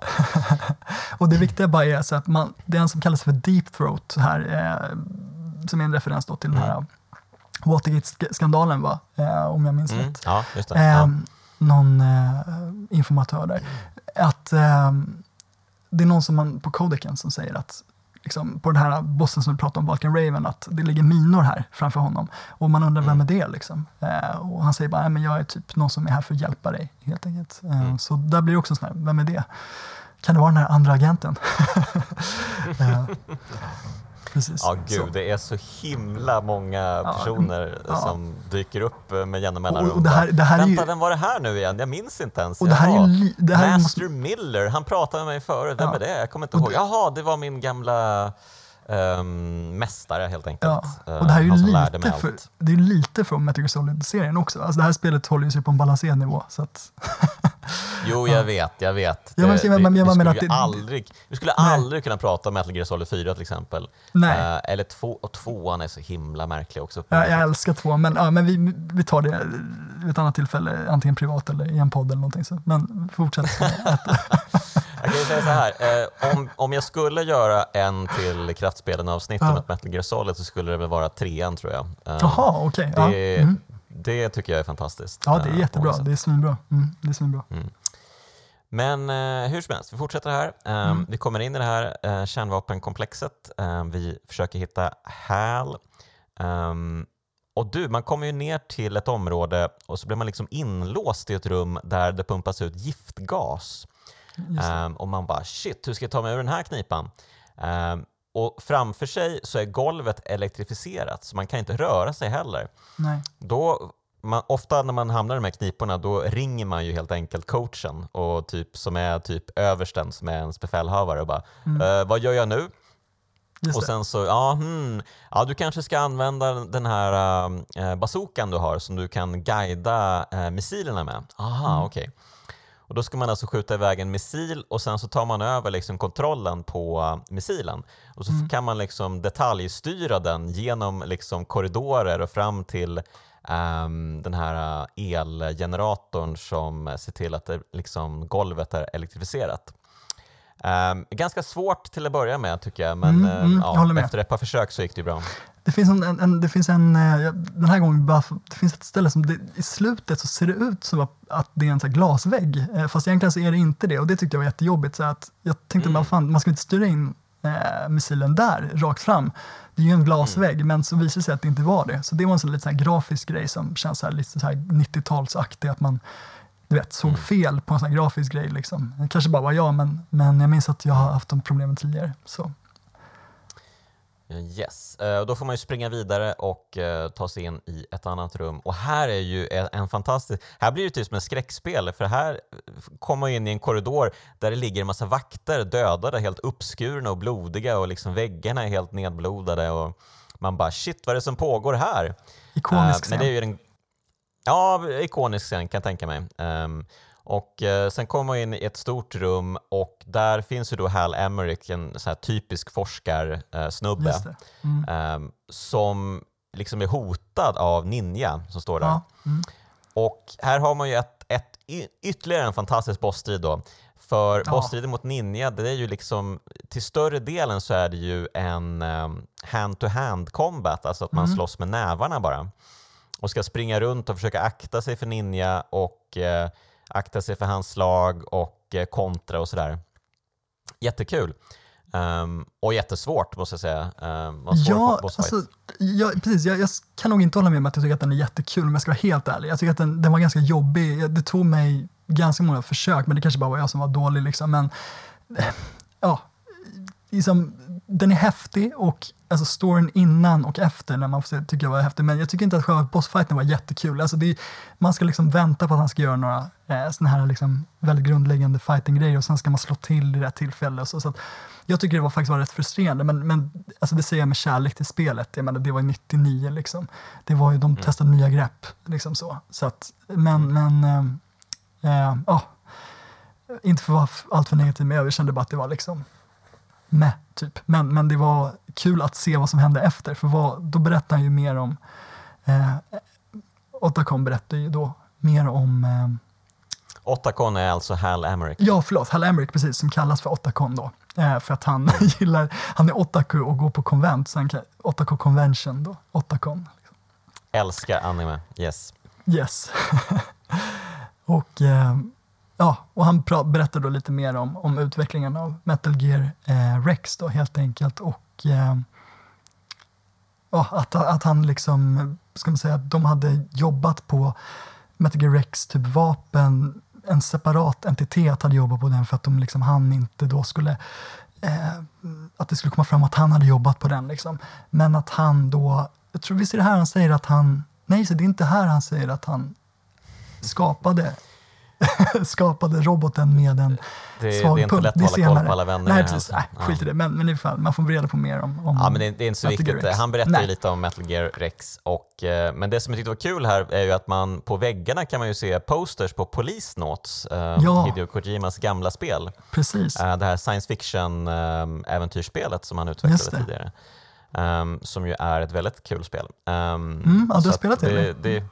Ja, jag har spelat det. Ehm, roligt. Och jag, kan, jag kan bekräfta att eh, Hideo Kojimas sexism eh, är väldigt påtaglig i det här spelet. Okej, ja, Meryl är Um, med i det också på något sätt har jag förstått. Så att det, hon kanske blev skottgluggen där också. Um, Ja, eh, ja. alltså jo, eh, pff, wow. Men, eh, ja. mm, men det är ju kul att han, han, eh, han hyllar sig själv här. Åh, kolla in mina gamla spel, wow, wow, wow. Just det, ja, men, ja, men det är Vilken, eh, smart, smart alltså få in för den västerländska publiken eh, som inte kan köpa det i och för sig. Men, men det är kul ändå att han promotar sig på något sätt. Kolla vad ni missar här, kolla vad ni Precis, missar. kolla vad ni missar om ni inte bor i Japan. Precis. Eh, ja, eh, precis. Och just, det, ja, just det, precis. Och här när han pratar med Hal, det, det är här han får den här flashbacken till Meryls röv, så är det. Ehm, och, och ja, just det, en tjej, okej. Ja, jag ska försöka leta upp henne. Och då ska man ta sig upp eh, på en annan våning av basen. Eh, Otacon har ju på sig en sån här um, osynlig väst, så han kan ju själv bli osynlig. Mm. Så att eh, hela hans grej är ju typ att han springer iväg någon annanstans på basen. Han försöker undersöka lite, hitta lite datorer, hacka sig in i och hjälpa Snake. Liksom. Mm. Ehm, så han är ju en, han är liksom den galna professorn eh, i en sold och som eh, man hela tiden kan ringa till och få lite tips Ja. och tricks om basen i sig. Liksom. Det, och jag vill bara flika in, Ähm. jag tycker, jag tycker han som karaktär är så jäkla bra. Alltså, det är någonting som jag tyckte från början och tycker nu också. Alltså, han, hans röstskådespelare Christopher Randolph tycker jag är helt otrolig. Mm. Alltså, det, han får verkligen till den här, liksom, alltså, det får man ju reda på mer sen, men att han är så känslig någonstans. Att han kunde bara ha varit en sån här vanlig karaktär som bara hjälper. Men han, det är någonting med han, hur han pratar och det han säger som är så, mm, så här, äh, som att han liksom inte vill vara där. Han vill inte ha skapat Rex egentligen, men han är tvungen och det blir melodramatiskt men det blir väldigt eh, filosofiskt också senare ser vi eh, i en senare box, bossfight vill jag bara säga. Så Mm. jag gillar honom. Ja, vi ändå är inne på uh, röstskådespelare så Mm. måste jag ändå säga att de flesta är jätte, jättebra Ja, i det här spelet. Ehm, det är ju, jag tycker faktiskt att David Haters Snake är väldigt bra också. Mm. Ehm, han är ju väldigt liksom sammanbiten och sådär hela tiden. Men, men som vi var inne på, han, han får ju tillfälle att, eh, att eh, koppla på skärmen lite då och då också. Ehm, så att, eh, han funkar jättebra. Det, den enda jag har lite svårt för är Liquids röstskådespelare som pratar med en sån här aristokratisk engelska som bara va? Hur fast- fick du den här Ja, dialekten? men, men jag tror att, jag kollade på en intervju och jag, de frågade honom så här, var det någonting du kom på där och då liksom, när du läste manuset? Och han typ så här, ja men jo men jag tror att det var så. att han liksom, Wow, att han, wow. och, ta mig verkligen, ta inte gift på det här, men av det jag hörde, om jag förstod det rätt, så var det liksom att, ja men jo men det kan nog ha varit så att jag läste att det ska vara en, eh, en eh, skurk, att, att ah, men då, drar, då drar man till med den här engelska, klassiska, liksom, vad fan, det är ju, han är ju tvilling liksom till, till Solid Snake, Ja, amerikan. de, dels liksom. det. Dels så har han väl varit, eh, han har ju varit en sån här gun for hire över hela världen. Ehm, jag har väldigt svårt att tro att han har vuxit upp i England, den här snubben. Alltså, jag vet inte så mycket om Liquid. Men... Alltså, de, de visste ju ingenting om spelet när de sp- spelade in, så det var ju bara att dra på liksom, första bästa. Eh, De, de fick ju såklart se manuset i och för sig, men, men att han läste väl inte igenom Ja. de detaljerna. jag, Liksom. ant, jag antar att Hideo Kojima inte var där då under röstinspelningstillfällena och kunde liksom påtala eh, ja, det här med aristokratiska engelska kanske inte är det bästa Nej. valet. Nej. De, de hade några representanter tror jag som satt och kollade men inte, jag tror inte att Hideo Kojima var där personen, nej. Och, och, och han, alltså det är väl det att han, var- han var väl inte så bra på engelska kanske så att han visste att det här är en utpräglad brittisk dialekt och så. Så kan det ju ha varit det också. Um, Ja, Men men, den är eh, väldigt hur speciellt, men, men, men resten kommer undan tycker jag utan Ja, problem. Och, och- och Hal, jag håller med, han är jättefin. ehm, och, ehm, Och Jennifer Hale vill jag bara säga. Förlåt att jag avbryter. Jennifer Hale alltså, som spelar eh, Na- Naomi Hunter, alltså, hon är ju skitkänd men alltså, jag tycker det är så jävla bra. Alltså, hennes prestation. Just det. Det måste ju varit en av hennes första roller kanske till och med. Ja. Ja, tidig i alla fall. Ehm, Ja. Mm, helt klart. Ehm, ja, vi har pratat mycket Jennifer Haley i kraftspelen den här säsongen. Hon var ju Mass Effect tidigare. ja, hon har och, gjort så eh, jävla ja, mycket. Alltså. Ja. Hon har ju typ varit med i alla spel också så att, eh, Ja. det, det blir ju så lätt så. Hon kommer ju vara med i Bayonetta 3 nu också. Mm, att- apropå röstskådespelarkaos. Mm. Ja, okej. Just det, just det. Ja, nej, men det ska vi inte gå in på för mycket Nej. här. Men eh, vi återgår till ämnet Metal Gear Solid. Ehm, ja, man, man eh, ska ju leta upp Meryl och då gör man ju det på den här våningen där det finns massa kontor och grejs och så finns det också två stora toaletter. Och eh, okej, eh, Snake har fattat nu. Meryl är en tjej. Hmm. Kan hon vara på tjejtoa? Ja. Så grejen är att man ska vänta och sen så en av de här vakterna som går sina rutter här, för hon eh, låtsas ju vara en vakt på basen. Ja. Till slut så kommer ju någon av dem vilja gå på toaletten Ja. och eh, då tänker han, ja men då måste hon ju gå på tjejtoa såklart. Ja, ja. Så den vakt som går på tjejtoa måste ju vara Meryl. Och, och det, här, det här är Ja. andra gången han, eh, Hideo Kojima har med samma grepp i ett spel. Han är med i Metal Gear Solid 1 eller, eller förlåt, Metal Gear 1 eller 2. Alltså att man ska liksom gå in och, på någon tjejtoa. Mm, så att han, han är besatt. där. Han, antingen så var det att han kände att det var så smart grej att han ville ha med det igen. Liksom. Eller så är han bara besatt av att man kan gå in på tjejtoa. Tjejer går på toa. Mm, Precis. antagligen. Ehm, Det kan vara något av dem. om, man, om man springer in jättesnabbt här eh, efter vakten så kan man ju faktiskt eh, hinna få se eh, Meryl, precis, hon, hon tar ju av sig den här uniformen och har tänkt ta på sig sina egentliga ehm, kläder. Men, men skyndar man sig in här efter henne och till det här båset hon håller på i så får man se henne i trosor bara, vilket ju är en sån här klassisk Ja, och då kommenterar Solid Snake då, som är 33 år och Meryl ska vara 18 i det här spelet, eh, till henne Ja. där och står där i trosorna. Ah, nice ass liksom. det är så här, är Han är besatt av de där ögonen, så det är helt Ja, men, jo, men det är Ja. så här, och det är så här, totalt liksom, eh, spelar ingen roll eh, hur unga tjejerna är. Liksom. Han bara, du vet, han tappar all moral när, när det kommer till när, när han ser en tjej. Liksom. Det Ja, det är otroligt. Men, och sen eh, så har de ett jätte, jättekonstigt samtal som jag bara, åh herregud, vem, hur, vem har skrivit det här? Ja, ah, det är just det, det är Hide- Hideo Kojima, just det. Ah, ja, mm. Men, men eh, hon pratar jättemycket om att hon, hon är en kvinna och eh, kvinnor ska inte vara soldater och sådär. Ja, men vet du vad, jag sminkar mig inte. Va? Va? Sminkar Ja. du inte? Vilken sjuk grej! Wow! ja jo, Och- verkligen. verkligen. Och sen så, han har ju gjort det tydligt då att eh, oj oj oj, du, du är en tjej alltså, wow wow wow ungefär. Och hon bara, du passa dig, they gave me psychotherapy to destroy my interest in men. Just det, just det, just det, det där ja. ja men precis. Och det bara, blir, åh, då nej, blir, ja, okej. precis.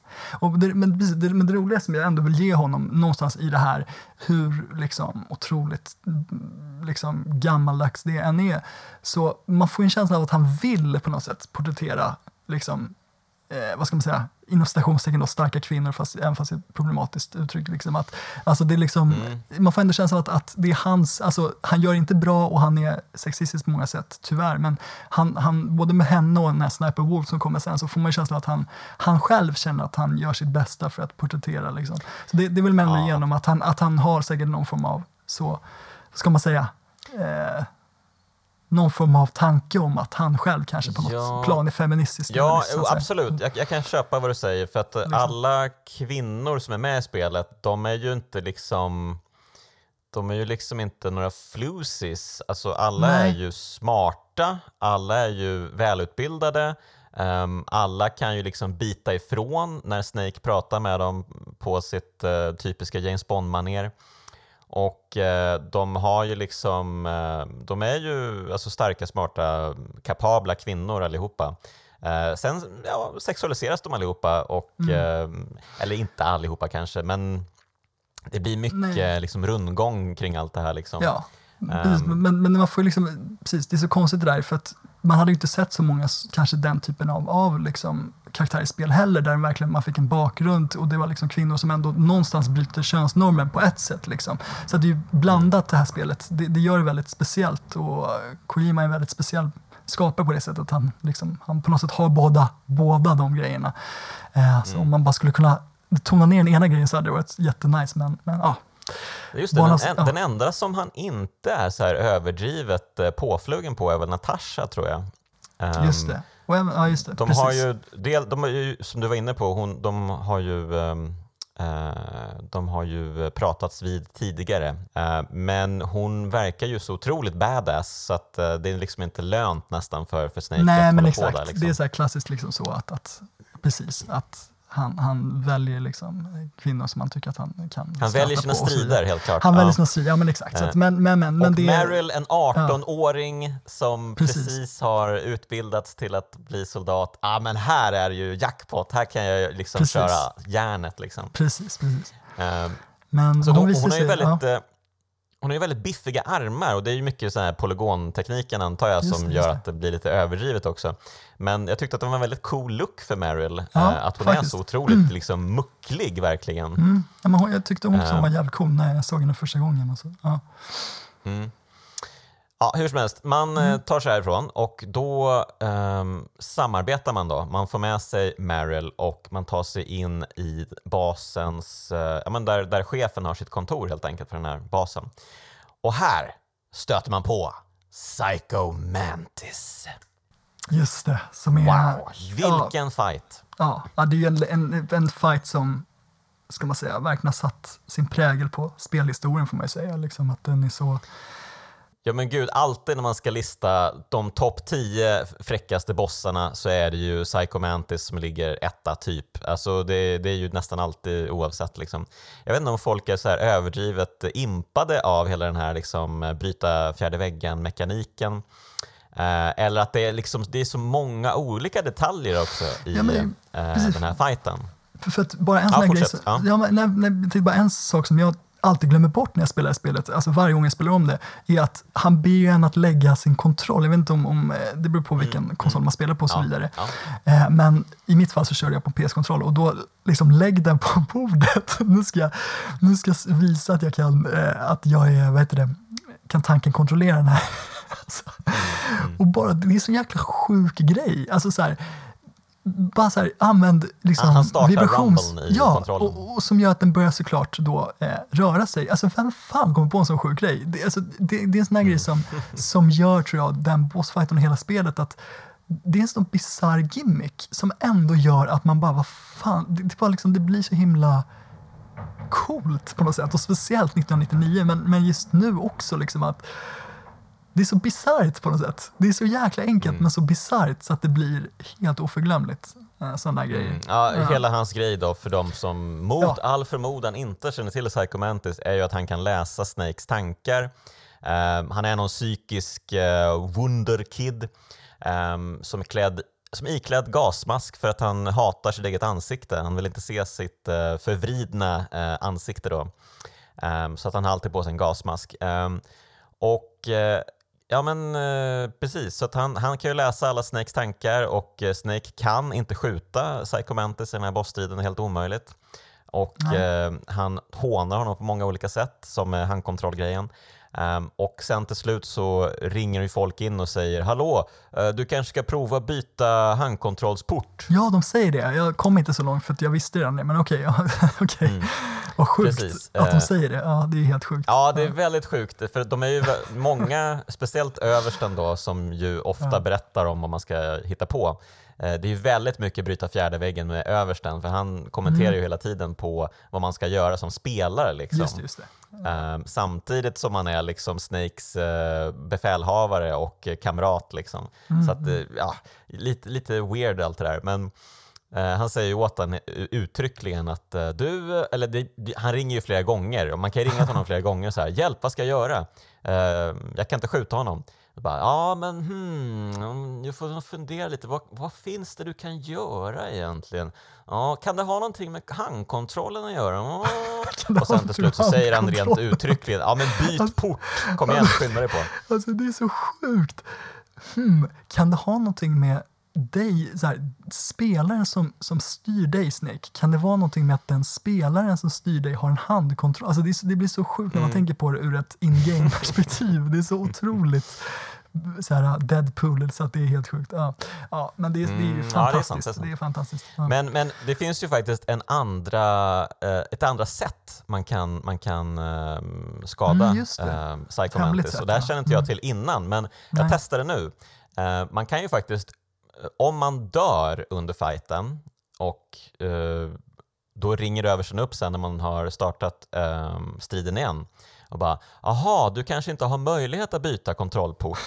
Mm. Vet du vad? Du kan ju testa att skjuta sönder de här två statyerna i rummet. Och Ah. när du skjutit sönder dem, då kommer du att blotta det här är så himla konstigt. Eh, att statyerna då, ba- bakom den här gipsfasaden så, så återfinns då eh, Psycho Mantis egen, eget ansikte. Så då kommer han att titta på sig själv på de här statyerna och bli så jävla spooked av det här att han inte längre kan läsa dina tankar. Uh, Okej, Det ja, ja visst, liksom vi kör på det. Kojima Logic, alltså. Det är verkligen... Ja. Ja, det är helt sjukt. Men ja, Helt det funkar också och då kan man börja skjuta honom. Och, Och sen eh, när man, när man kollar första persons förvy så ser man ju från Mantis ögon. Det är också ganska coolt ju. Eh, Just det, ja, just det. Coolt, Mm, verkligen. ja. Ja. och sen så kommer den här eh, Hideo-detaljen också upp ibland. eh, att, och han, han kan liksom- kommentera, som vi sa, han kan kommentera på tack för att du spelade om man har vissa saves och sådär beroende på version och så. Mm. Så det är så jävla sjukt. Ja. Just det, precis. Jag, jag fick eh, kommentaren att eh, du har inte sparat så ofta. Mm, Okej, oj. wow. Mm. Ja. Precis. Ehm, och, eh, men eh, till slut då så slaktar man Psycho Mantis och då får man ju den här första Mm. fina eh, pratstunden med en Mm, boss. Och, eh, och det här det är liksom tio minuter typ då man bara pratar med honom när han ligger på Mm. dödsbädden och åh, hans, han, han blev så här förvri, förvriden när han eh, djupdykte in i en seriemördares psyke. Då liksom, blev, hans, blev han själv liksom påverkad, förgiftad av det psyket. Och sen dess har han varit den här galna Men- superskurken. Du vet vad jag tror? Jag tror att det är hans pappa. Va? Han förstod att hans pappa hatade honom. Alltså han är född med psykiska krafter och sen så förstod han att hans pappa hatade honom. Så han brände ner, alltså han dödade sin pappa om jag förstod det rätt. Med, brände ja, ner sitt hus. Eh, exakt, men jag tror att det var någonting med att det var även en seriemördare inblandad som Ja, okej, som, okej. ja, var inne och kan, läste mycket, hans kan det mycket psyke väl ha varit. Ja. Eh, Så att eh, många olika detaljer. Så att han är bara glad att han, åh vad skönt, nu får jag dö. Eh, tack Mm. Ja, men det, det, jag, ty, jag tycker det här är, jag tycker det, alltså jag blir berörd och sen så kanske det är att det är nostalgi så, men jag tycker att det är svinbra och jag tycker den scenen lämnar mig väldigt eh, ja, ödesmättad inför nästa, nästa del. Mm. Då. Ja, och här tar man ju sig förbi ytterligare ett minfält. Man kommer in Mm. i lite med ett grottsystem där det finns vargar. Mm. Ehm, här finns det ju en grej då som jag inte känner till, men som du påtalades, att man, eh, man kan ju få uh, vargarna att kissa på en om man har en em, låda på sig tror jag. Ja, precis. Jag, precis så. På något sätt kan man få dem att göra det. Och jag försökte, men det gick inte. Men, men på något sätt eh, går det, vet jag. Mm. Ehm, Jag tror att man ska slå till Meryl och sen Ja, direkt ta på sig lådan. just det, Eh, just istället för att bli anfallen av de här Ja, eh, ja, ja. hundarna eh, som man har omkring sig så kommer de fram och kissar på en. Det stämmer. Och sen så kan man gå igenom hela spelet, så fort det kommer vargar så kan man bara ta på sig den här nedkissade lådan så får de hjärtan ovanför sina huvuden och tycker att åh vad trevligt. Ja. Eh, vi umgås här, du kan smyga förbi lådan, inga problem. Nej, just det. Ja, nej, men det exakt. det är Det är, ja, det är, det är kul. Sån här, bara sån här, också sån här liten detalj som inte har någon betydelse men som bara är rolig och som, ja, det är så himla fyllt av sånt, det här spelet. Mm. Och sen då så dyker ju Sniper Wolf upp. Oh, bra hon boss. skjuter ner Meryl och det här är ju så brutalt. Herregud. Alltså det är blod överallt och det är tre skott eh, på Meryl Ja. i armar och ben och hon faller ihop på marken och börjar förblöda. Och Mm. man bara shit, jag måste rädda Meryl nu. Men då ringer de eh, översten och bara du kan ju inte rädda Meryl nu. Du blir ju skjuten av eh, krypskytten. Ja, ja, ja, är du så. sjuk Ja, i huvudet? Vet du vad du ska göra? Du ska springa tillbaka till början och hitta krypskyttegeväret medan hon förblöder. Precis. Jaha, okej, tack tack. Ja men hej då Meryl, ha det så bra här när du ligger och, och eh, dör. Du är väl död om typ en minut eller någonting. Jag springer för att hitta det här krypskyttegeväret som alltså är tillbaka till början. början. Så man, liksom, man måste springa igenom det här minfältet då när man träffade Vulcan Raven. Raven. Men man kan ju också lägga in lite att det går ju att hitta sådana här lådor som gör, jag vet inte om du känner till det, men att du kan, om du har lådorna i ditt, du vet man hittar ju lådor Mm. som man kan gömma sig i, du kan sätta det i de här eh, lastbilarna så, så, är liksom, alltså, så kör de tillbaka till början. Eh, så att om du sätter det i lastbilen Mm. Eh, i, alltså fast det är ju ganska kort, men om du sätter det i lastbilen i andra, eh, vad blir det, hangar, inte hangaren, men den här war, Warhead Facility, då, ja, då, då liksom snabbfärdas du tillbaka till första eh, lastbilen. Oavsett så är det ju en sjuk grej det här alltså. Eh, Ja, Det verkligen. måste Och- man ju konstatera. Ja, och det bara här, de har gjort det om det här i Twin Snakes. Det här är ju skitkul. De har gjort om det i Twin Snakes, att du kan hitta tydligen eh, geväret mycket tidigare så att du inte behöver springa tillbaka. Men det är ingen som säger det till dig i spelet. så att du vet inte om okej. det liksom, av någon anledning. Så att det går i Twin Snakes att hitta det mycket tidigare. Men det är ingen som ger dig Okej. hint om det. Så att du, du, du får komma på det själv helt enkelt. Så. Och sen, det är ju ganska svårt att, eh, att eh, lokalisera det också. Det är ju ingen som säger exakt var det finns någonstans. Men det är ju då nere där man mötte Revolver Ocelot, hela det Just området. det. Just det. Med alla de här små eh, förråden man springer förbi. Ja, Eh, och- så finns eh, krypskyttegeväret där. Och jag tycker ändå det här, jag, måste bara säga snabbt, av någon anledning så funkar det ändå för mig att man, att man backtrackar det. Jag vet, inte om jag vet inte varför, men det är någonting med att det, det ger det här spelet en paus på något jäkla konstigt sätt som gör att man liksom verkligen känner den här desperationen. I alla fall gör jag det. Sen så tror jag att de flesta moderna spel bara tycker att det är skitjobbigt. Men, ehm, Ja, alltså jag Ja. har väl inga större problem med själva backtrackandet i sig. Det mesta är att Meryl är död om två sekunder. Medan jag springer och gör den här grejen timmar. i typ, jag vet inte, 20 minuter och sen är jag mer, tillbaka här ja, igen. Ja, ja. ja det är, Eh, alltså, det, eh, han måste ju... Ja, det är någon jävla, jag vet inte vad det är. det är så himla konstigt. någonting. någonting. Och sen när man kommer tillbaka till samma, samma plats då, då är ju Meryl inte kvar längre. Nej, Eh, man ser bara en, en coolt. Mm. blodfläck på marken när hon låg. Så tänker man, jaha okej vad är det som hänt här då? Men skurkarna har ju nappat henne då, medan man försvunnit. Ehm, och eh, då får man ha en krypskyttestrid då mot uh, Sniper Wolf, den första av två. Ja, och just det, det, det är ju inte jättelätt att pricka henne måste man ju säga. Nej, okej. Var det f- Du kanske inte hade den här lugnande medlet som man kan hitta? Diazepam, va? Så var det. Och har man inte det så går ju en sikte liksom, det bara studsar ju det. liksom upp och ner, eh, krypskyttesiktet. Eh, men jag kom på det att man kan ju faktiskt röka eh, Just samtidigt det. som man har siktet. Smart. Ehm, och Mm. det, det här är ju en grej som, det finns väl i alla eh, Metal Gear Solid-spel. Eh, Snake är ju en det. rökare, han försöker Ah, väl eh, sluta men han kan inte liksom. Han Nej. måste röka. Eh, och alltid när man röker i Metal Gear Solid-spelen, då förlorar man ju hälsa. Så det är ganska tydligt att eh, rökning är dåligt för ens, Ja, eh, för ja. ens hälsa. Mm. Men, men, här då, men samtidigt så ger det ju en vissa effekter. Man blir lite lugnare av, av att röka. Så då kan man faktiskt sikta lite, lite bättre också. Ja, för att när jag hade det här lugnande medlet som man kan hitta på nå- i något rum, då gick det faktiskt ganska snabbt för mig. Ehm, jag t- tog några sekunder, så jag tror att det, det är det där att, att ehm, ja, utan det så blir det skitsvårt. Ehm, Mm. Yes, Eh, men eh, ja, vi, vi lyckas eh, skjuta henne så mycket så att hon, uh, hon um, vämosar, hon schappar. Eh, men Snake springer fram för att ta sig vidare in i basen och då dyker upp ett gäng vakter helt enkelt och, ja, det här är så jävla bra. och norpar honom. Han blir tillfångatagen.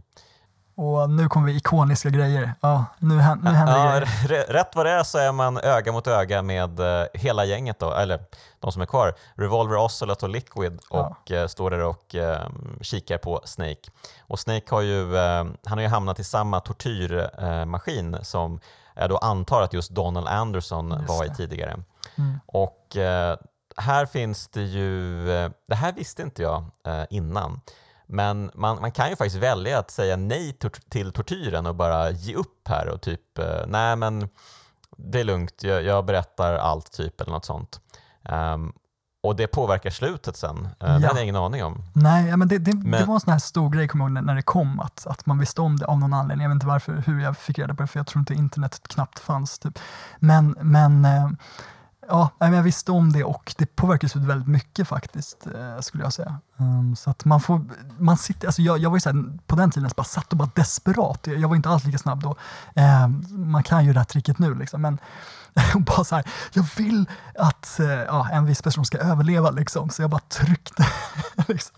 Det är så jävla svårt Mm. också. Det är ju så här tre omgångar, a tre tror jag högst kanske, eh, som verkligen Mm. är rätt svåra för en tioåring. Alltså. Eh, så att, Ja, man, ska ju, man ska ju peppra på cirkelknappen tror jag. Ehm, ja, precis. En av Precis. knapparna i alla fall. eh, för att eh, eh, ens eh, livmätare inte ska gå ut hela vägen. Utan man kan liksom peppra upp den samtidigt som ja. man blir elad då, av den här maskinen. Ehm, och sen så är det en timer som går ner eh, samtidigt. Men eh, ja, för, alltså. för mig Ja. då som är en gammal track and field 2 Ja, ehm, tack. Det var precis det jag tänkte så på. var det här verkligen inga problem. Jag, jag är supervan vid att peppra. Så Ja, att, eh, jag- hade typ maxhälsa när jag var klar med de här grejerna. Ja, jo, men jag, faktiskt, jag har lärt mig den där av diverse spel, men, men faktiskt track and field brukade jag också köra den i väldigt mycket. Det var nog där jag lärde mig Mm. tekniken. Ja. Yes, men eh, då kastas man in i en fängelsecell och eh, här dyker ju din kille upp då antar jag, eh, utanför eh, vakten, vad han hette. Ja, Johnny Sasaki. Johnny Sasaki, okej. Eh, ja, och här, han springer på toa efter ett tag när man har pratat med Otacon och så dyker Mm. han upp ehm, med sin osynliga väst och, och han bara ja men eh, bra Snake, eh, jag har med mig lite mat till dig. Va? Du ska ju break me out of jail liksom, vad håller du på med? Nej men det vågar jag inte, usch vad läskigt. Ehm, och sen, eh, sen så kommer ju han, man lurar ju till slut vakten att komma in i cellen. Eh, man kan ju gömma sig under sängen. Jag tror att det var så jag gjorde det. Ehm, Eller köra och vakten Ja. bara va? Han försvann när jag var på toa! Och så öppnar han dörren och så kan man springa fram och knocka honom. Ehm, mycket bra och eh, sen är man på G igen då. Mm. Och eh, ja, vad händer sen? Ja, eh, nu så ska man ju upp i det här tornet som man försökte komma in i. Eh, tornet! där där Sniper Wolf eh, då var. Eh, det var ju det man försökte komma upp i från början när man blev kidnappad. Eh, och, Hatar tornet. Ja, faktiskt. Det, det här är verkligen ett, ett ställe man kan ifrågasätta i spelet. Eh, Alltså, jag, menar, jag tycker inte att det är jättefel fel så, men just det, jag hade faktiskt till och med glömt bort det momentet nu, men nu ska man springa upp då för Alltså i någon form av arkadliknande moment i typ så här supermånga våningar där det kommer bara horder av eh, soldater på en. Eh, Mm och bara, och det, är det, är så här, det är liksom 99 och ett nydanande spel, så det är ju liksom kontrollerna är inte perfekta heller, så det är liksom, det är jäkligt svårt. Men eh, man, får, man får göra sitt bästa och tar sig med nöd och näppe upp. Jag, jag, ska, jag ska erkänna att jag dog väldigt många gånger på den här sekvensen. Ja, det förstår eh, jag vet verkligen. Inte, jag, hade lite, jag hade lite lågt med energi på något sätt också. Jag var- Ja, det var någonting i alla fall som gjorde att åh, det här var en mardröm. Men till slut så Mm. insåg jag att, för att Snake har ju massvis med grejer i byxorna. Ehm, han har ju granater av alla möjliga sorter. Han har ju så här um, um, lamslagningsgranater som gör att Mm. eh, fienderna liksom står och svajar typ eh, med stjärnor över huvuden. Ehm, så att jag använde dem och de funkade Smart. svinbra faktiskt. Ah, bra. så att de, man kunde bomba fiender och sen kunde man springa ett bra tag innan det kom nya fiender uppifrån. För grejen är att de kommer från båda hållen fienderna Ja, i den här vet. trappan. Åh, Ja, det är en det sån mardröm alltså. Ja, det, det är riktigt svårt, men och just att det är just i mitten av spelet typ, så gör ju att det blir ännu liksom, så Ja, men, och svårare. sen är det ju det faktum också att trappan, alltså det här tornet, det är ju Det är-. Det är verkligen en så real life liksom, tower. Det är verkligen så, så högt som man kan tänka sig att sånt torn hade varit på riktigt. liksom. det, gör, Ja, men det, ja. det tar ju aldrig slut. Det tar aldrig nej, slut nej, det, det här det är, tornet. vad är det, så här 20-30 våningar som man ska liksom springa upp för eller någonting. Ja. Vansinne. Hatar Hideo Kojima för det här tornet. Ja. Ja, men det här tornet Eh. är väldigt, ja det är nog inte bara du som gör det. Ehm, men ja, men till slut så kommer man ju upp då. ehm, man, man, dyk, man stöter på uh, Otacon igen, han ska fixa en hiss eh, och då kan man, eh, ja man stöter ju på eh, Liquid, han dyker upp med en, uh, någon sorts superhelikopter. Ja, Ehm, och då, först får man ju fly från helikoptern, man får liksom ett, ett rep, eh, Ja. man får rappla längs en byggnad och eh, helt enkelt eh, hoppa ner med ett rep för en byggnad. Då, men är inte samtidigt det som här, man skjut, skjuter på en. och är inte det här liksom någon slags liksom, första gånger man i ett spel man har sett den här sekvensen där man liksom ska ta ner sig brev. Den är ju med i jättemånga spel, så Uncharted och Mm. ja men vad, vilket äventyrsspel, alltså äventyr som i Indiana Jones liknande action, d- Mm. den typen av, känns ju, kanske att det var med Tomb Raider så tidigare, men alltså det känns ju Mm, väldigt så ja, att, att, ja. jag, att jag sett det i så jäkla många spel efter det här. Eh, Mm. Men det här är nog första spelet jag såg det i. Eh, Det här man skulle ta ner sig för ett rep. Ja, ja, men om inte det första så definitivt ett av de första som använder Mm. det här uh, gameplay-segmentet. men uh, ja, men jag tyckte det funkar bra. Man, man kan ju hoppa undan uh, elden då, eldgivningen som, som han ger. Uh, lustigt att han aldrig använder några, några missiler och bara bombar uh, väggen. Nej, precis. Det är, precis, det är lite sådana grejer man får ha överseende med. Eh. Mm, just det. Men sen då får man ju fightas med honom. Man kommer upp på taket av byggnaden och eh, då får man ju, man har ju en speciell eh, granatkastare då, som man går in i första persons eh, vy med och kan, eh, den kan ju liksom homa in så att den blir målsökande och kan skjuta iväg på helikoptern. Vad tycker du om den stilen? Ja, precis. Jag tänkte fråga. Ja, det- Vattendelare skulle jag säga att det är. Ja, okej. Vad tyckte du då? Nej, men jag har bara hört att, att många tycker den är frustrerande. Nej, men det är väl det att, Mm. att jag, jag gillar den eh, faktiskt. Jag vet inte varför, eh, men för man, man, det frustrerande är väl att man liksom måste vänta på, på helikoptern ganska länge innan man kan skjuta den. Det är väl det som folk är frustrerade. Men jag tycker faktiskt att det är okej och jag tycker att den Alltså man Ah. tror ju att man ska döda Liquid Snake där. Det är det som gör den striden så bra. man Tror du tänker det? Att, Tror du det? alltså, Han är ju, han är ju, han är ju storskurken. Tror jag, jag, jag han hade inte, här? ja, precis, men du får tänka på att jag var tio år när jag såg det första gången, så att jag, jag spelade första gången så jag hade inte sett så många filmer så, så att jag, då, jo, då trodde jag nog det. Men sen fattar man ju att så inte var fallet. Han är, han är seglivad, den snubben. Ehm, Eh, ja, precis. Helikoptern eh, faller ju eh, till slut då och eh, han försvinner Ehm, och man springer vidare och eh, då blir det då dags för... Ja, men först måste jag bara nämna det. Sen hoppar man in i den här hissen som Otacon höll på att mixtra med. just det. Och, Det är ju eh, coolt. det, här, det här var ju ett av de roligaste ögonblicken i spelet Ja, tycker jag. Eh, det här att Otacon bara liksom, han påtalar att du förresten, jag vet inte om det är någon kodek-grej när han ringer när man är Ja, mitt jo, i men det är hissen det. det, är och är på väg ner. Så bara, du, jag kom på en grej. Jaha, vad är det då? Jo, men du vet den här osynliga västen som jag har. Mm, just det. Ja, det finns ju eh, fyra andra sådana. Jaha, okej. Ja, jag sprang tillbaka för att se om jag skulle fixa en väst till dig. Okej. Men eh, alla västarna var borta. Jaha, okej, du säger det. Mhm. Och sen så avslutar man konversationen och så helt plötsligt så dyker det upp alltså, det, då står det alltså fyra stycken soldater osynliga i hissen och börjar peppra på en. fast det Det är asbra! Fast det bästa är ju att, att, att han får en egen animation, alltså en sån här, man har inte sett det ansiktet tidigare i kodeken. Han bara “Lucas, watch out!” bara skriker i kodeken. Det tycker jag är så bra. Alltså så här bara, eh, och så bara pang står det liksom fyra, fem eh, osynliga soldater. Den tycker jag är episk, alltså den scenen. Jag tycker den är tung Mm. alltså. Jag gillar den. Ja, men jättekul och svårt att uh, klara av de här typerna. Man får, jag använder lite granater och grejs uh, till slut. Ja, Eh, ja precis. Jag men- pepprade nog bara. mm. Ja. Yes, så kul, kul, kul. Ehm, det, det är väldigt bra tempo i spelet. Det är inte Ja, så att man, verkligen. åh, nu, nu, precis- som jag sa tidigare, det är inte så mycket ställt som man tror i det här spelet. Nej, faktiskt det inte. nu händer en massa sjuka det. grejer istället uh, nästan Nej. hela tiden. Nu när vi pratar om det så Ehm. märker man att det är väldigt lite ställt. Ja. Nej. precis.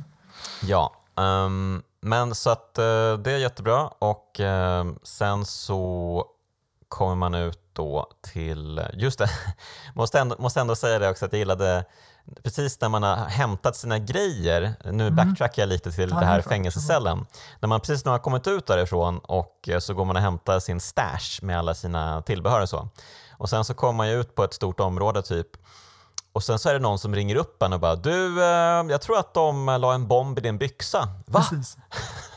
Bara, ja, det, I din stash alltså så ligger det en bomb som har en tids... Eh, ja, den kommer sprängas snart liksom. Just, just det. Bara, va? Oh shit, jag måste hitta bomben och, och sula iväg den innan den sprängs. Precis. Och det, Jättekul detalj!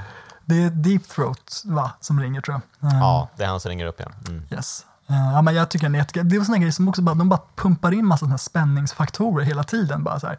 Liksom Mm. från ingenstans. Jag älskar det. det, är, det är bara, man ska aldrig sitta still i det här spelet. Det är bara Mm. äh, alltså, nya grejer på nya grejer hela tiden. Eh, Just det. Ehm, Och det han kommer vi till nu. Också, Ja. Ja, jag, tänkte bara säga det att eh, precis när man har skjutit ner Liquid, För eh, Snake har ju också den här liksom nästan Arnold Schwarzenegger-aktiga eh, one-liner som man eh, fyrar av då och då. Och jag älskar att han Älskar. säger när då. Liquids eh, helikopter brinner och faller och sådär och exploderar när den träffar marken så säger han That takes care of the cremation. Uh, ah, väldigt fint faktiskt. Bra. Den, den hade, Oj, den hade Arnold ja. kunnat acea, känner jag. jag, får, ja, precis, jag får se till att jag inte väcker min lilla son nu. Och garv, jag, tycker, jag håller med eh, om det. Jag tycker alltså, det är så mycket sån här cheese, alltså, som, som på, i alla andra sammanhang hade varit så jävla ostigt alltså. Men i det här spelet jag det funkar alltså, så jävla bra. Det är så här, liksom, no, in the movie, mo- eh, you're like a movie hero or something Snake. No, in the movies the hero always, always saves the girl. Alltså, det är liksom, jag vet det. inte, det, det, är, det är så fint. Jag tyckte det var så fint när jag var tio år och jag tycker fortfarande det. Eh, men det egentligen Mm. Ja, men är så jag- jävla ostigt alltså. Men det, det funkar bara i det här spelet. Ja, jo men det är ju så att även liksom de här lite mer svårmodiga delarna som med bossar när man pratar med dem efteråt, alltså det är ganska välskrivet ändå. Ehm, Ja, jag tycker det, det, alltså, det är ganska helhet, absolut. snygga meningsutbyten och sånt. Faktiskt. Ehm, så jag Faktiskt. fattar ju verkligen varför det blev en sån grej Metal Gear Solid. Ja, verkligen. Ehm. Man var ju inte van vid det här. Det var man inte alls van vid att det, skulle, att det, det faktiskt, förutom att det var välskrivet, också hade såna här liksom, stora teman och allting. Så det har ju så jäkla mycket som det introducerade i spels Mm. i det här spelet. Ehm, Ja, och, men det, nu och då? det ser vi nu i det här bossfighten. Mm. Ja, det blir ju då den andra och sista duellen med Sniper Wolf. Take it away, Jonathan. Hur, ja, men det här är ju intressant. Hur, hur dödade du henne? Mm. Eh, det här är faktiskt en grej som, jag tror att det var någon som berättade för mig att man kunde göra så här. Ehm, det var inte du, Nej, det var någon annan som pratade med. Ehm, men det går ju faktiskt att kisa Sniper Wolf. Man behöver ju inte eh, försöka hitta henne med snipergeväret här, utan Nej. man kan ju faktiskt använda de här Nikita-missilerna. Mm, Ehm, och det gjorde jag och det var ju fantastiskt. Det, Ja. det är de här missilerna som man använde tidigare då för att komma undan det här äh, giftrummet med elgolvet. Ehm, så att de kan man ju guida själv. Så då kan man guida in henne, för hon står ju typ i en ah, skog typ. Um, Ja. Hon gömmer sig bakom träd liksom.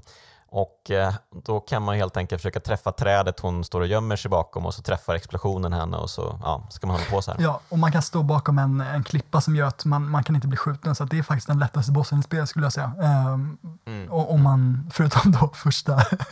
Men i alla fall, eh, här kommer vi till vad jag tycker är kanske, förutom slutet då, spelets bästa scen. Då har man dödat Sniper Wolf och då springer Otakon ut, eh, helt förtvivlad. Vad fan, liksom, nej! Ehm, för Mm. då har det- man antytt, alltså han har antytt tidigare, han har frågat liksom, kan love bloom on the battlefield? Liksom, han har frågat med eh, Snake tidigare, man fattar inte vad då. Och så har han snackat gott om Sniper Wolf. Och eh, nu då kommer finalen där Sniper Wolf i princip säger att ja men om jag, ja, jag tar det här ur minnet, men alltså så här, typ, typ att så här, ja, men du skulle ha, bra att du dödade mig, typ. det var värdigt liksom, av dig Snake, säger hon då till Snake i princip. Och berättar om sin, att hon har blivit eh, heter det, bortförd från sitt hemland, om det, vad är hon, alltså, nej, inte Ja, kurd. hon kurd va? Ja, precis, det stämmer, exakt. Och Mm, av mm. då Big Boss som då kallade sig för någonting annat, Saladin eller sånt där. Mm. Och, ehm, och berättar om sitt liv väldigt, väldigt faktiskt, ändå tycker jag ganska bra och känslomässigt. Och så kommer, men som pricken över i där, så kommer då Otakon ställa sig bredvid och bara liksom gråter. Han är så förtvivlad liksom och kan liksom inte fatta. Han har, han har tidigare innan den här bossfighten sagt till Snake att liksom döda henne inte liksom, för allt i världen. Men hon själv säger till Snake att men döda mig. Så att han känner bara, men jag måste eh, göra det. Och sen så säger, ja, sen så är det en jättefin scen då, som jag verkligen berörts av personen jag spelar, men till och med gör det nu. Och sen så bara går Snake bort. Och så är det någonting han säger, jag kommer inte ihåg exakta meningen, någonting med what are, what are we fighting for Snake? What are you fighting for? Liksom så ser man, han bara stannar, så Snake liksom, och det bara snöar så här. Alltså det är så jävla bra. Den, den scenen tycker jag är så jä- jag vet inte varför, men där visar spelet det här, det här lite filosofiska, även om man kan tycka att det är melodramatiskt, det här filosofiska liksom att va- varför gör du det här? Det är helt meningslöst. Och jag tycker det är så effektivt. Ja. Så jag älskar den här scenen. Så. Ja, men det är fint. Det är ju, pi- det är ju peak melodrama verkligen. eh, Men, Verkligen. eh, Och man det är också väldigt välskrivet. Nu minns jag inte heller exakt vad, de, vad är de säger, men det var många repliker där som jag tänkte, "Aha, okej, mm, okej, ja, ja, Mm. det där ska man kanske ta upp, men det glömde jag sen. Men, eh, ehm, ja, absolut. Eh, det, det, har sina, det har sina poänger, de här um, konversationerna. Ibland. Men eh, yes, vi fortsätter våran eh, färd genom Metal Gear Solid ehm, och Yes. det blir, Nu ska vi kommer neråt. in i någon sorts, vad sa du? Nu ska vi neråt. eh, För det, nu Ja, ner. först så kommer man väl in i någon sorts smältverk eller vad det är för någonting. Det är väldigt Mm, varmt och lavaaktigt där liksom. Ehm, och, men sen så åker man ju i hissar neråt och det blir kallare och Yes. kallare. Och sen så kommer man ut och så är det dags för ännu en bossstrid ganska snabbt inpå då. Eh, din kille Vulcan Raven ehm, och han eh, är ju omgärdad av kråkor och kråkorna dyker upp redan i hissen på väg ner så det är väldigt Ja, så här, så episkt. stämningsbyggande inför Ja. den här fighten. Liksom. Ja, jävla snyggt. Nu är det dags Ja. för nästa liksom. Mm, okej. Och eh, det här är ju en rolig kurragömma-fight där han, det, det är liksom uppbyggt, ehm, det är massa olika containrar som liksom bildar en sorts bana man kan springa runt i olika eh, konstellationer. Ehm, och han eh, skjuter ju ner också eh, containrar så att banan blir, ehm, det blir färre liksom vägar att springa igenom. Ett labyrint. Eh, Snyggt. Ja, det blir mer labyrintiskt, precis. Ehm, men så att, ja, lite halvklurigt i början, men Ja. sen när jag väl insåg att man kan använda C4 och bara lägga ner liksom sprängämnen eller C4-detonationer då på marken, vänta in när han springer förbi och sen trycka på knappen så att eh, den exploderar, En- ja då blev det ju buslätt. Ja, och ännu enklare, minor. Eh, Det är bara att lägga ut, alltså, då behöver man inte ens tänka på det, då kan man bara ställa sig i ett hörn. Liksom. Men, men då kanske man inte har Mm. minor heller. Man har ju fler C4 på sig, så att det är vilket som. Men eh, första tanken är att man ska skjuta med Nikita-missiler, men de skjuter han ju ner ganska snabbt. Så, att, ehm, så det är så att, eh, också ett exempel på ett, många olika strategier man kan använda på många bossar. Så här. Som är lite så här uh, from software liknande. Men, men fortsätt till nästa eh, ställe. då. Ja, nej, men det är så, och sen eh, när han eh, biter i gräset så blir det ytterligare sån här fin ehm, samtal med honom. Ehm, han, är ju, han är ju väldigt lugn. Eh, Han Ja. pratar ju liksom i normal samtalston även om han vet att han är liksom döende. Och hans kråkor, de attackerar honom och äter upp honom samtidigt som det är han lugnt berättar sin bakgrundshistoria. Det, det tycker jag, ja. ja jag tycker de, de, det är som att Psycho Mantis och Sniper Wolf och hela den här, jag tycker nästan det här är kanske spelets starkaste parti på ett sätt. Alltså att den här liksom kavalkaden av coola bossfighter och den här, de här slutsekvenserna. Alltså det är så jävla ödesmättat och så jävla sorgligt på något sätt. Liksom man går in med sån tung känsla i, i delen av spelet. Eh, och här avslöjar han också det här med De- Decoy Octopus, att, att den här Donald Anderson inte var Donald Anderson. Så det är också sån här, och där har också Master Miller då ringt den och sagt att Naomi kanske är en spion. Så att det har hänt väldigt mycket innan det också. Eh, så nu är man ju väldigt Ja, absolut. Men, Mm. men som du är inne på, eh, man känner ju när man har dödat de här eh, liksom, superskurkarna att man, ah, man, man får nästan en, ett, ehm, ett styng i kroppen, ett styng i hjärtat. Ja. Oj, men de var ju väldigt fina typer egentligen. Oj, vilken härlig... eh, Aj, aj, aj, att det kunde gå så illa. Ja, okej. Mm.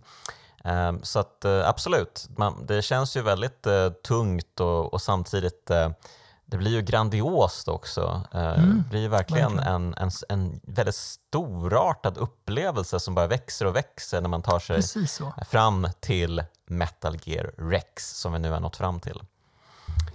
Och jag, innan, innan vi eh, pratar om Metal Gear Rex måste jag även ta upp rummet eh, innan Metal Gear Rex som då är Alltså det är bland det sjukaste jag sett. Det är liksom ett rum som bara är utsmyckat med eh, eh, så här sentry Ja, guns. ja, 30 stycken någonting. Ja. Ja, det är helt bananas. Ja, så, det är sjukt man kommer in och tittar sig omkring i det rummet och bara kommer de här få syn på mig så är jag smulpaj liksom. Eh, Men tack och lov då, det är ju en grej som återkommer mycket i spelet är ju att man har en speciell sorts granat. Eh, Jag kommer inte ihåg vad den heter men Chaff grenade heter men- på engelska, jag vet inte vad exakt vad det svenska ordet är. Men, ja. Ah, shaft grenade. Ja, men precis. Man, man kastar en sån och då scramblas all teknik och då kan de Precis. inte liksom få syn på Snake. Så att, eh, man vill ju ha så många sådana granater som möjligt hela tiden. Um, Absolut. Eh, får man slut på dem, då är det liksom bara shit, jag måste backtracka långt tillbaka. Liksom, Ja, för att de klara är vissa partier. jätteviktiga i, i slutet. Mm. Precis. Mm. Mm, så är det ju. Eh, det, det men först är då så ska man... ja, jag, håller med. Ja. Fortsätter igenom det rummet först. Yes. Ja, men och sen så kommer man in i Metal Gear Rex-rummet och eh, då ska man ta sig upp på övervåningen eh, till kontrollrummet och då kan man eh, överhöra Liquid och Revolver när de lägger upp sina planer. Ja. Det här ska bli den nya Outer Haven. Det var ju, Mm. Outer Haven var ju Big Boss stora bas förr i tiden. Då. Så att det här ska bli nya Outer Haven och eh, ja, vi ska sälja Metal Gear-robotar till ryssarna. Och, ja, Starta nytt allt världskrig. Man och så. behöver, inte, man behöver inte ha koll på alla de där Nej. detaljerna. Det, det är Nej, så och- mycket och- babbel och så mycket tjafs. Liksom. Och jag kan bara säga snabbt att när jag var tio så jag fattade ju liksom, eh, alltså, typ, alltså jag kunde inte ens engelskan tillräckligt väl och ändå tyckte jag det var jättespännande. Så det säger ju ganska mycket. Man kan ju ta det på typ tredje genomspelningen om man vill spela om spelet. Man behöver inte bry sig om det i början. Liksom. Så. Eh, nej men precis. Ehm, Och då Och, kommer vi till ett eh, ställe som är lite backtracking här. Ja, gud, just den här delen ja. Eh, precis. Ehm, först så är det ju... Ja, Liquid får ju syn på Snake i en säkerhetskamera. Eh, de stänger och eh, på något sätt, han blir, jag tror att han skjuter en kula som gör att Snake tappar den här, för han har ju ett keycard som han fått i början av spelet. Mm. Ehm, och man har ju hela tiden haft eh, uppfattningen att man ska hitta tre keycards för att kunna stoppa Metal Gear. Um, man ska använda tre olika keycards för att stoppa maskinen så att han inte kan använda sina kärnvapen och så. Men nu blir avslöjar alltså Otacon för att han har liksom uh, varit inne och eh, hackat sig in i datorerna att ah, så här ligger det till. Det keycardet du har, det är det enda keycardet du behöver. Mm, Och det här är ju faktiskt en jättesmart grej. mm, För keycardet blir tre olika keycards beroende på vilken temperatur som eh, alltså omgärdar nyckelkortet. Då. Så att eh, vanlig rumstemperatur, det är ett keycard. Eh, iskallt, det är ett annat. Och sen om det är stekhett, det är liksom det tredje kortet. Så det är jättekul, jättebra. ja, Men, Men. grejen är ju då att hade det varit så att man ska ja, men, ta sig in i olika rum på den här basen man är i nu och hitta något ställe där man kan frysa kortet eller värma det, så då, det hade ju varit kul. Det hade varit en kul grej. nej, nej. Men vad de gör är, just det, minns du det där rummet med lavan tidigare? Hmm, där var det varmt va? Och just det, minns du den där bossstriden du hade med Vulcan Raven? Hur kallt det var där inne? Mm, just det. Lite backtracking på det va? Ja, precis. Så att, och det här stället är ju, nu, nu har vi inte vi sagt det i någon detalj, men det är ju liksom, jag skulle säga att det första stället man ska till är kanske, ja men kanske 20 minuter, en kvart tillbaka och det är ganska svåra ställen Ah, också. Inte, inte så långt tror jag. Nej, okej, men okej. Jag tror, men, jag, men tror det, jag överdriver lite. Ehm, Ja, okej, men Så det är någon hiss, hissen man ska stå i som ändå tar liksom ganska lång tid i dagens mått mätt. Liksom. Man måste stå och vänta på den och sådär. Upp och ner och man ska akta för minor Ja. och så. så. I slutändan, det känns, det känns som 20 minuter. Eh, Jag vet inte hur lång Jo, tid det tar. grejen är, grejen är ju den att man måste Mm. backtracka tre gånger. För först så skjuter ju Liquid den här kulan då som gör att eh, Snake tappar kortet hela vägen ner till botten av eh, den här byggnaden Ja, det. Det är där första Metal. Gears fötter står. Liksom. Mm. Så först måste man ta sig ner för alla stegar eh, och hämta kortet. Sen ska man tillbaka upp och så inser man, jaha, eh, Revolver och Liquid har stuckit. De har lämnat eh, allting här. Mm, Mm. Okej, jag springer in, eh, slänger in keycardet så att det här normala keycardet aktiveras. Sen måste jag då springa tillbaka till isrummet, springa tillbaka, slänga in det kortet och sen springa tillbaka förbi isrummet, upp till lavarummet och sen tillbaka hela vägen igen. Och man bara, varför? Mm. Ja, och det här, i Twin Snakes faktiskt har de också gjort att du kan, i tror jag det här Rex-rummet, kan du hitta två eh, kalla respektive varma rör. Men det säger ingen till dig heller. Så att det tydligen i Twin Snakes då, eh, inte det här. Så att eh, ehm, det är också en grej som, som de har gjort som en quality of life-uppdatering fast ingen säger det till dig så att ehm, du får komma på det själv. Liksom. Så. Men det är, det är kul för att de har det. Det är en smart uppdatering. Liksom. Mm. Ehm, yes, men eh, efter allt detta då alla dessa om och men så blir det äntligen dags för slutstrid. Mm. Eh, mot Metal Gear Rex. För Ja, det. Snake trodde att han gjorde för att deaktivera Metal Gear Rex, det gör han för att aktivera Metal Gear Yes. Rex. Så att eh, folk har ljugit för honom och eh, Liquid har ju använt honom helt enkelt eh, as a pawn från första början. Liksom. De fick inte tag i där- de det- eh, korten, eller de fick inte tag i de nycklarna eller vad det nu heter som, som det behö- behövdes. Så de använde Snake istället och de tänkte att han var så bra agent att han skulle kunna komma dit. Ja, han har ju varit en nyttig idiot och eh, han är ju en idiot i mycket, Snake. Det är ofta så här att han upprepar saker bara Vad är det sant? Jag- jag- jag- jag Det skulle nog trodde säga- jag aldrig. Jag skulle nog säga att han är mindre en idiot än att han är liksom otroligt noggrann. Han, liksom, han, måste, han måste veta, varenda liten information måste han liksom dubbelkolla. Eh, liksom så. Ja, mm. Ja, ja. Men eh, vi får i alla fall en fet slutstrid mot Metal Gear då. Ehm, och eh, här ska man gärna ha gott om chaffgranater för de kan man sula så att eh, Absolut. den tappar sina system och inte kan avfyra sina missiler med målsökning på Snake. Då. Ehm, och så ska man försöka själv använda missiler på en paraboldisk kan vi säga att det är. Någon Ja, sorts absolut. mojäng som gör att han har just målsökning. Då. Liquid har ju hoppat in i Metal Gear då, och styr den själv. Ehm, och eh, när man har knockat den, då dyker Ninja upp och gör sitt Yes. stora uppoffrande. Ehm, Han väljer att eh, hjälpa Snake istället för att utmana honom på duell igen. Mm. Ehm, så han blir en div- diversion eh, och lyckas förstöra den här parabolen helt då, som gör att Liquid måste öppna upp sin eh, ehm, nästan um, näbbliknande liksom, eh, del av Metal Gear där han sitter. Så att man sen kan pumpa uh, missiler på hans feja. Men det tar ju inte slut där, Jonathan.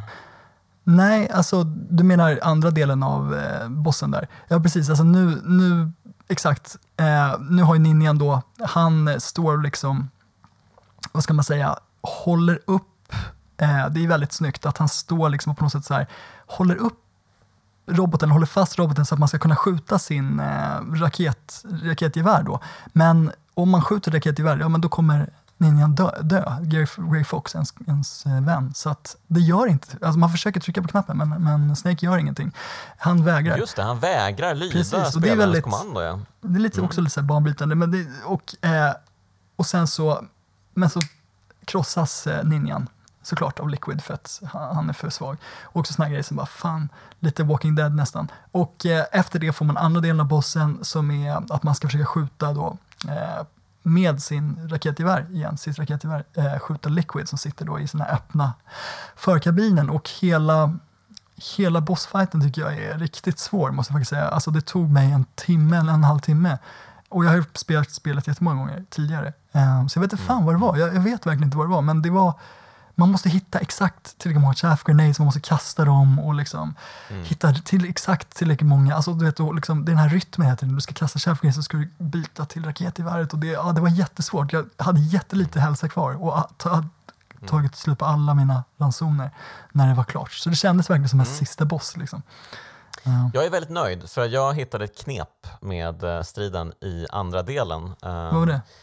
För i andra delen då, då är det ju jättesvårt för då måste, för då, jag vet inte ens om chaffgranaterna funkar då för han kan ju, han ser nej, ju kanske inte. han, an- nej. Jo, jag tror han, att använder det. ju sin, han använder ju sin blick för att styra missilerna. Ehm, Jaha, fan, det kanske han gjorde. Ja. Jag är för mig att det ehm, funkade, men det kanske att inte jag, gör jag det. tror nej. inte att chaffgranaterna gör nej, någonting det gör egentligen. inte. Nej, okej. Men, men vad jag kom på, eh, och det här är jag väldigt stolt över att det, det går att kisa spelet och att det går att hitta sådana detaljer själv fortfarande. Mm, Men man kan ju faktiskt eh, placera sig bakom Metal Gear och då försöker ju Metal Gear hitta en eh, då stampar den runt liksom. Men jag bara fortsatte vara bakom hela tiden. Jag sprang bakåt när den backade och sprang framför och så här och höll mig där och till slut så stannar Metal Gear.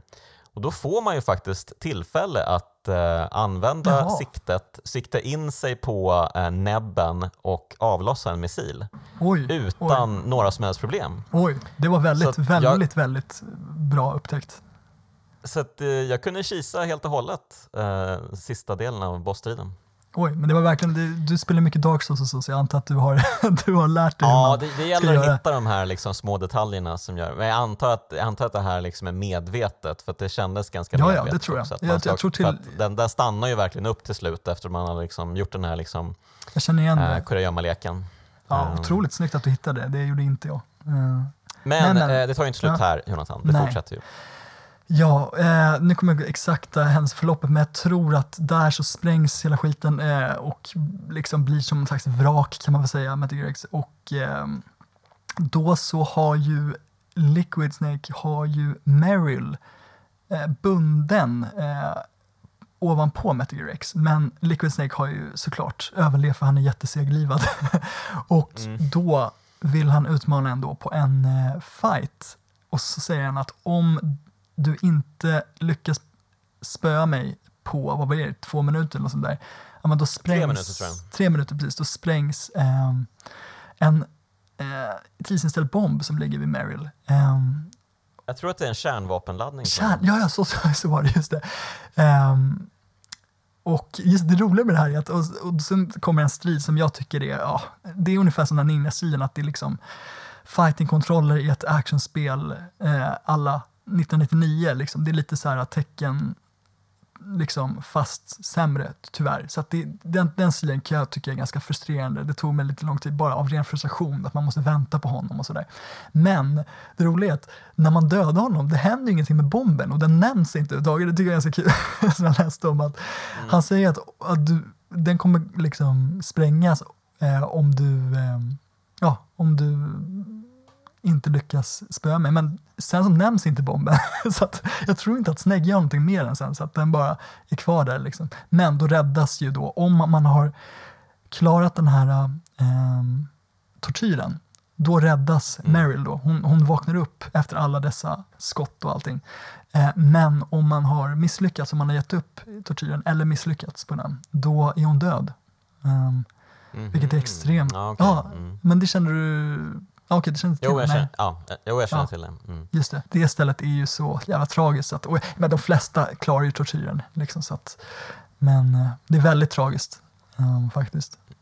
Om man misslyckas där. Ja, men eh, yes. Och till slut då så faller ju eh, Liquid till sin död. Uh, Oklart, det måste ha varit något hål eller någonting för att alltså, så långt ner till marken är det inte som Metal Gear Rex, men det måste ju ha öppnats upp något hål där nedanför liksom. Eh, som han Yes. faller ner i. Eh, Yes. Och eh, man hoppar ner, man är barbröstad men får på sig sin dräkt igen. Och tillsammans med Meryl då, om man räddade Meryl, annars så är det Hal Emmerich som dyker Yes, upp här precis. och assisterar en.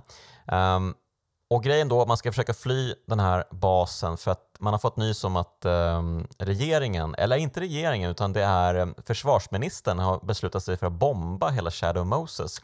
Precis. ehm, för att göra sig kvitt alla liksom, vittnen och alla bevis och så. ja, Så försvarsministern verkar vara eh, ett eh, bad egg helt enkelt. Man får till och med en liten konversation med honom via kodek där han eh, Mm, visar sig vara riktigt skurkig. Ehm, så att här ska man försöka ta sig ut från basen helt enkelt och det gör man genom att hitta en jeep. Yes, och får jag bara säga innan det här, det är så kul för att precis när man ska ut i det där jeepstället så hela stället ska ju bombas och håller på att falla över så bara ställer sig Meryl och bara tittar på Solid Snake och säger “looking good Snake” liksom. och sen bara millisekunder efter så bara rasar hela stället ner. Det tycker jag är så jäkla snyggt att hade hon, du vet, hade hon väntat i en millisekund till då hade hon varit helt döda liksom. men, men ändå så ställer hon sig och säger “looking good Snake” liksom. jag tycker det är så jävla bra. Eh, men, men de fortsätter till jeepen i alla fall ett garage Ja. helt enkelt som Otacon har hjälpt dem eh, att hitta. Eller han, han öppnade upp någon form av garageport, va? Eh, tror jag. Mm. Mm. Yes, och då blir det en sekvens där man ska styra ett maskingevär bak på jeepen samtidigt som Meryl styr och eh, man åker in i en lång, lång tunnel och eh, skjuter på skurkar. Och givetvis så visar sig Liquid inte vara död utan han dyker upp i en egen jeep och eh, skjuter på eh, sällskapet. Yes. Och, eh, eh, lite halvjobbig sekvens där. Eh, Ja, men, den var eh, svår. ja, Den var svår. till Men jag slut, ger- när, ja. jag, när, jag, när jag insåg att man kunde hoppa in i i och för sig spelade jag en senare version då, för att du pratade om det, här, men eh, jag kunde hoppa in i första persons vyn i alla fall här på jeepen och eh, skjuta. Ja, men jag kunde Ehm. nog också gjort det, men jag, bara att jag inte visste om det. Jag glömde bort det helt enkelt. Eh, just det. Mm. Det Då blev det ju smart. buslätt, men innan så var det ju svinsvårt.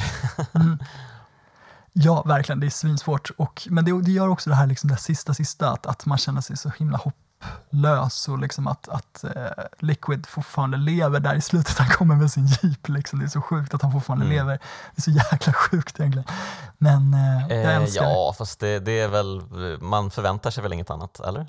Ja, när jag var, som sagt, när jag var tio så förväntade jag mig inte det, eh, om man säger så. Eh, så.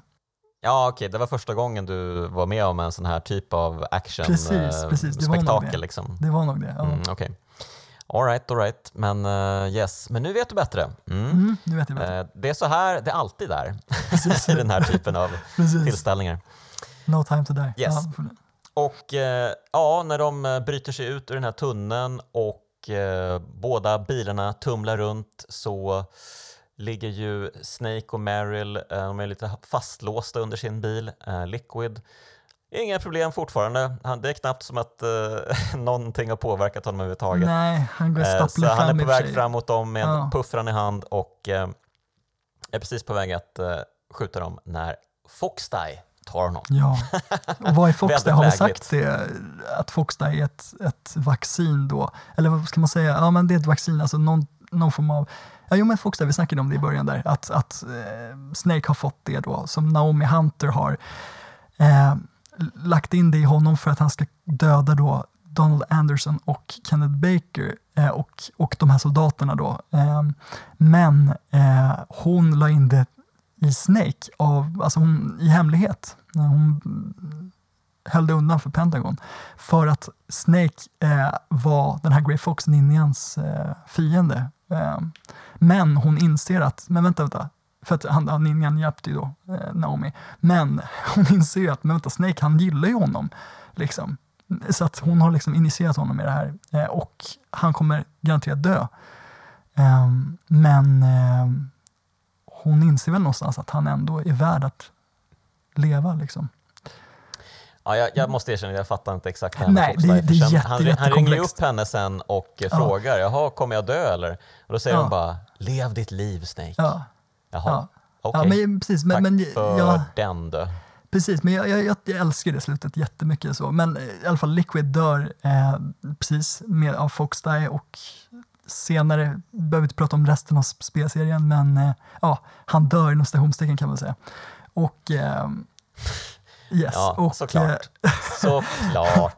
men eh, yes. Men det här som du säger där, sen kommer vad jag tycker är melodramatiskt kanske, kanske att jag var tio år och det är liksom sett ur en nostalgisk nostalgiska glasögon, men jag tycker att det här är, det här är spel, världens bästa slut. Det tycker jag nog. Eh, det är, Ja, innan, du, innan du pratar om Ja. det så kan vi Ja, ju bara säg. säga det att eh, basen inte bombas. Eh, översten ring, ringer ju upp och säger ah, men eh, det är lugnt. Jag gick och snackade med presidenten som inte kände till det här, eh, sa han. Ehm, och eh, vi har helt enkelt eh, arresterat försvarsministern. yes, han Eh, var, basen kommer inte bombas, det är lugna puckar Snake. Du kan eh, ta med dig Meryl och eh, springa och gömma dig i någon Alaska-hydda någonstans och leva ditt liv, precis för som är eh, Naomi Hunter sa. ni har officiellt dött ja, enligt våra dokument. Ja, precis. Yes. Q, mellan, mellan, eller säga, Q eftertexter och Ja, det eller, ja, precis. QF-texter. Jag skulle nog säga att innan det så, så sagt, Naomi pratar, håller sin monolog, jag behöver inte ta den, men hon säger liksom vad jag tycker är väldigt, vi berörde mig jättemycket det här med liksom att du ska leva ditt liv och också det här med Fox Diet. Han kan leva sitt liv men han har en viss tidsgräns. Så det, jag tycker det är jättefint och jag tycker det är så fint, det här är värt att nämna att de visar ju såna här äh, riktiga ska man säga, bilder på Alaska i slutet. Eh, väldigt så här Hideo Kojima-aktigt. Eh, som jag tycker är en så snygg kontrast. Alltså hela spelet handlar ju om kärnvapen eh, och att man inte ska använda dem. Det är ju tydligt, väldigt tydligt budskap. Och ehm, ja, men jag tycker det är jättefint slut. Och så kommer eftertexterna till det med en jättefin, jag tror att det är en sån här, irländsk sång? Någon form av den typ, typen av, av folksång. Då. lite, lite udda i kontexten. Men Ja, absolut. men jag tycker att- jag tycker att det funkar det med synkar väl Alaska. med bilderna man får Ja, på precis. Alaska med så här björnar som jagar lax och sånt. Liksom. Ja, Och- och, och det här med liksom, visst att det är ett prövat grepp, men det här med ljus mot mörker, att liksom, nu är det ljust och nu är det hoppfullt. Jag älskar det. Eh, Det är ja, jättemånga som kommer tycka att det är klyschigt, men jag tycker att det är jätte, jättenice. Och efter texterna som då kommer värsta spoilern, liksom. inte spoiler utan värsta vändningen då. Att Revolver Ocelot, avslöjandet. Mm. Avslöjandet att Ocelot då var, var en dubbelagent för vem? För vem? Ja. Uh, jag, Ja, eh, man, man kanske ska ta upp då tidigare att uh, Liquid, när, när man, man, precis man ska fightas med Liquid så drar ju han hela sin backstory och Just Snakes det. backstory. För han berättar ju då att mm. ja Snake, du och jag är bröder, jag har ju hintat det jättemycket men nu, nu ska jag liksom ge dig hela bakgrunden här. På 70-talet så fick de in Big Boss och tog liksom DNA-prover från honom. Och sen så slängde de in åtta foster eh, med de här DNA-koden ja, ja, en kvinna då, antar jag. Ja.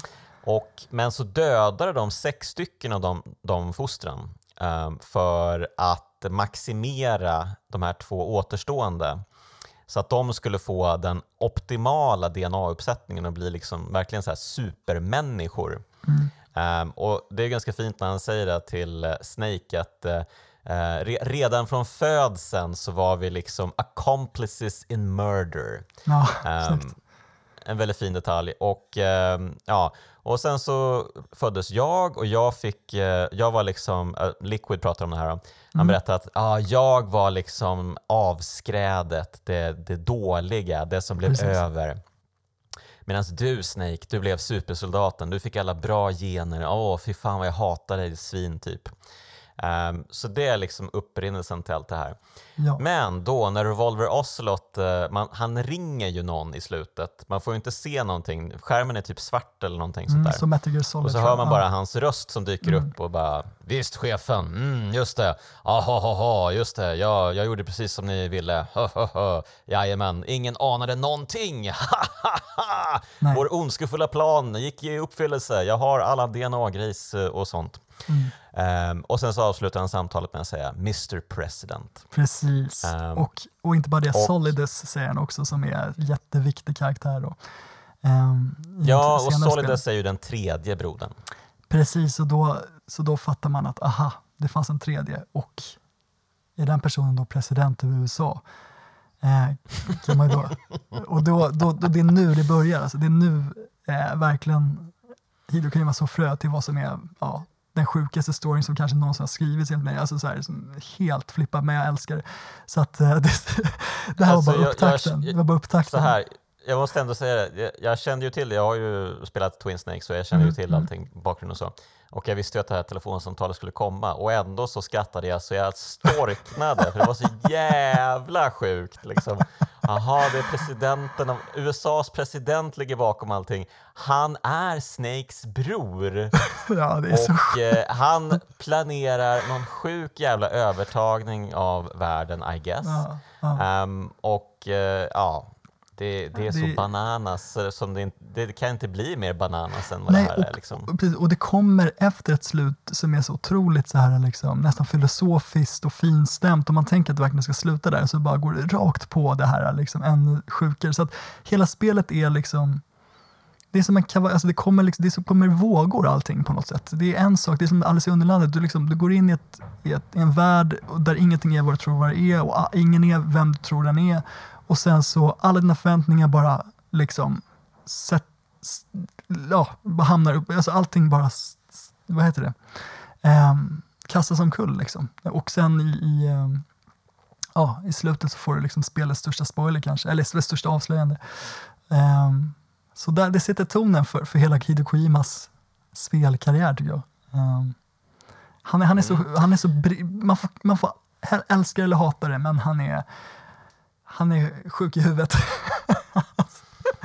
Jag älskar honom. Ja, ja alltså det, det finns mycket att säga om Hideo Kojima som spelskapare, absolut. Eh, han är ju han, är, alltså det, det är mycket, han säger ju många uppenbara saker såklart. Ja. Uh, oj, det är fel med kärnvapen. Mm. Uh, not really? Okej. Okay. Um, ehm, och det är så himla mycket babbel om de här mm. liksom Eh, de här krig, eh, krigsivrarna och eh, hur fel det är. Och det, men, men, samtidigt så slår han ju mynt av allting genom att göra alla de här spelen som utspelar sig förr i tiden när de är just de här liksom legosoldaterna i Big Boss Solds och sådär. Ja. Um, så att uh, jag vet inte riktigt vad... Ja. Ja. Han, det, eh, ja. ja, han, är en, han är en enigma på många sätt för att han är han är ju fantastisk på, miss, på vissa sätt, men han är också en, en jobbig jävel verkligen. som, eh, som, jag, jag, som- förstår var du vill komma. Jag, menar, jag, jag skulle nog inte ta, dra så långt som att säga jobbig jävel just för att, alltså, mer att, att det kanske här, han kanske inte, han kanske har fått lite för mycket spelrum i vissa fall, så kan man ju säga. Men jag, jag tycker, alltså jag gillar ju verkligen honom. Jag tycker att han är asnice, jag tycker att det är askul att han är så överdriven med allting.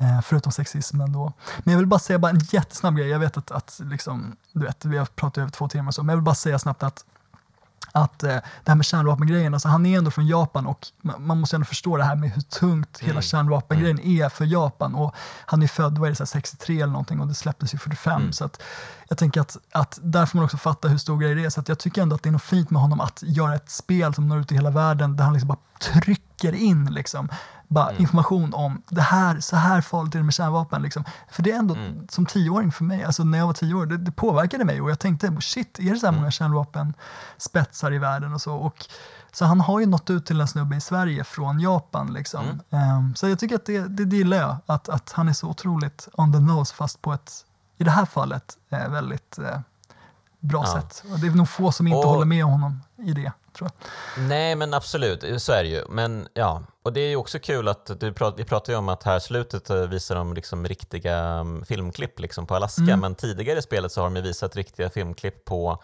eh, så här kärnvapenanläggningar och när de förbereder kärnvapen och uppskjutningar och sånt. Liksom. Mm. Ja, men Eh, exakt. ty- Ja, det är någon mellansekvens när de typ berättar om liksom, vad kärnvapen kan göra mot mänskligheten. Det kanske är Natasha som håller i någon sorts föreläsning om, Ja, för hon det- hatar ju verkligen kärnvapen hon- som du är inne på. Hon är ju Hideo Kojima liksom. Sådär. Precis, precis. Ja, men det, precis. Och- det är antikärnvapenspel helt enkelt. Liksom, Ja, och eh, ja, men det, är väl, det är väl fine och så, och, men, men ja. ja, men jag förstår, Och, och jag sen- förstår helt han, åsikt. det, alltså. det, blir, det blir lite långdraget också, allt detta, och det är så, han, han, det Ja, blir, jag han skriver precis. för mycket. Liksom, han, skulle, han skulle kunna liksom skära ner så himla mycket och bara göra allting lite mera... eh, ja, det, är lite inte, mera, det är inte liksom Walking Dead, liksom, ska man säga, det är inte den typen av, av manus där allting är så otroligt tajt, utan det är ju verkligen Mm. väldigt utdraget, väldigt maximerat. Men jag, det är, ju- jag Ja. gillar ju det liksom. Jag gillar ju det.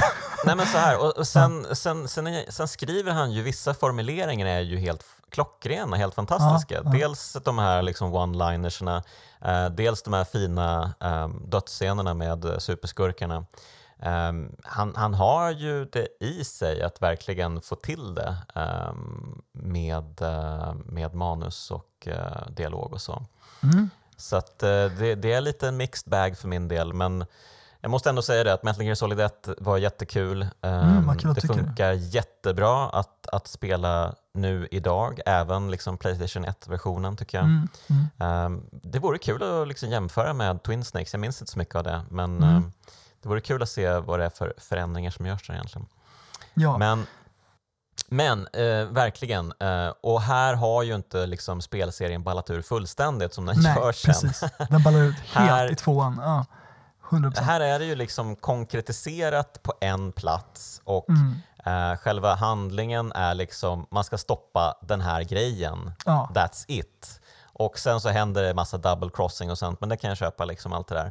Ehm, det är liksom väldigt skönt ehm, konkretiserat på många sätt ehm, i just Metal Gear Solid 1. vilk- Som, och, sen, och sen så ballar han djur fullständigt och re, redan i tvåan liksom. Och, eh, då, då blir det lite för mycket för mig. Men det är kanske nej, därför men jag gillar trean också, för den, den utspelar sig också på en plats och är Ja, lite ja. mer liksom, Trean, det är är det här som pågår lite. trean är ju kanske det mest, tycker jag, det mest liksom balanserade spelet av alla. Eh, Alltså, så. Men, men, ja, men som du säger, jag, menar, jag håller med dig i allt du säger egentligen faktiskt. Det är bara att jag, det är om man gillar eller inte. Det är det. Eh, Och jag, jag tycker Metal Gear Solid 1 för mig funkar så himla bra och det är såklart jättemycket nostalgi men, men eh, Mm. ja, nej, men det funkar bara så sjukt Ja, men, bra. men så här, eh, ni som lyssnar, eh, Mm. ni ska inte tänka på Metal Gear Solid 1 som ett stealth-spel i alla fall. Det har vi, det har vi Nej. motbevisat Nej. idag, det är det Det verkligen med. inte.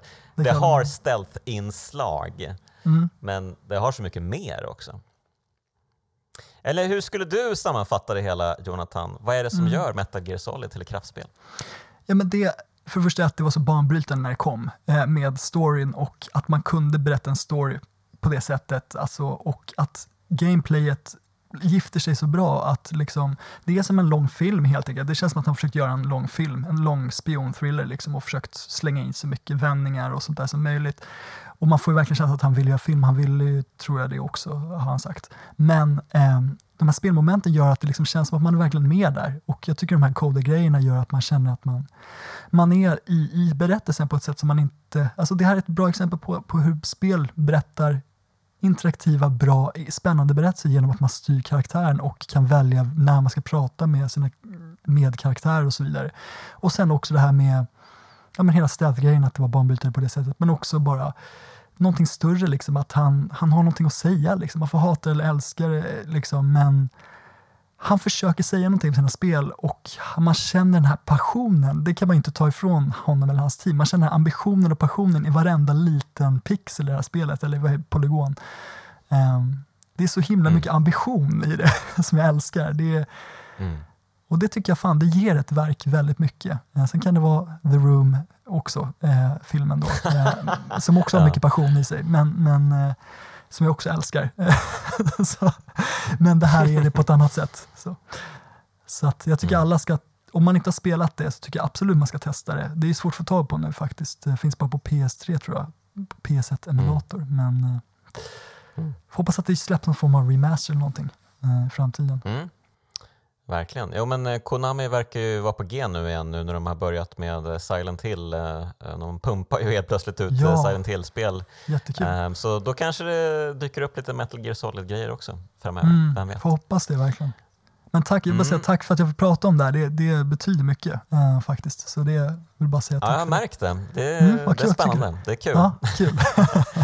um, Många ja, men det, det, är ju ett, det är ett kul spel, det är ju verkligen. Mm. Och det har ju onekligen betytt mycket för spelmediet, så är det. Um, men du, Jonathan, stort tack för att du var med i Kraftspelningen. Ja, tack så jättemycket.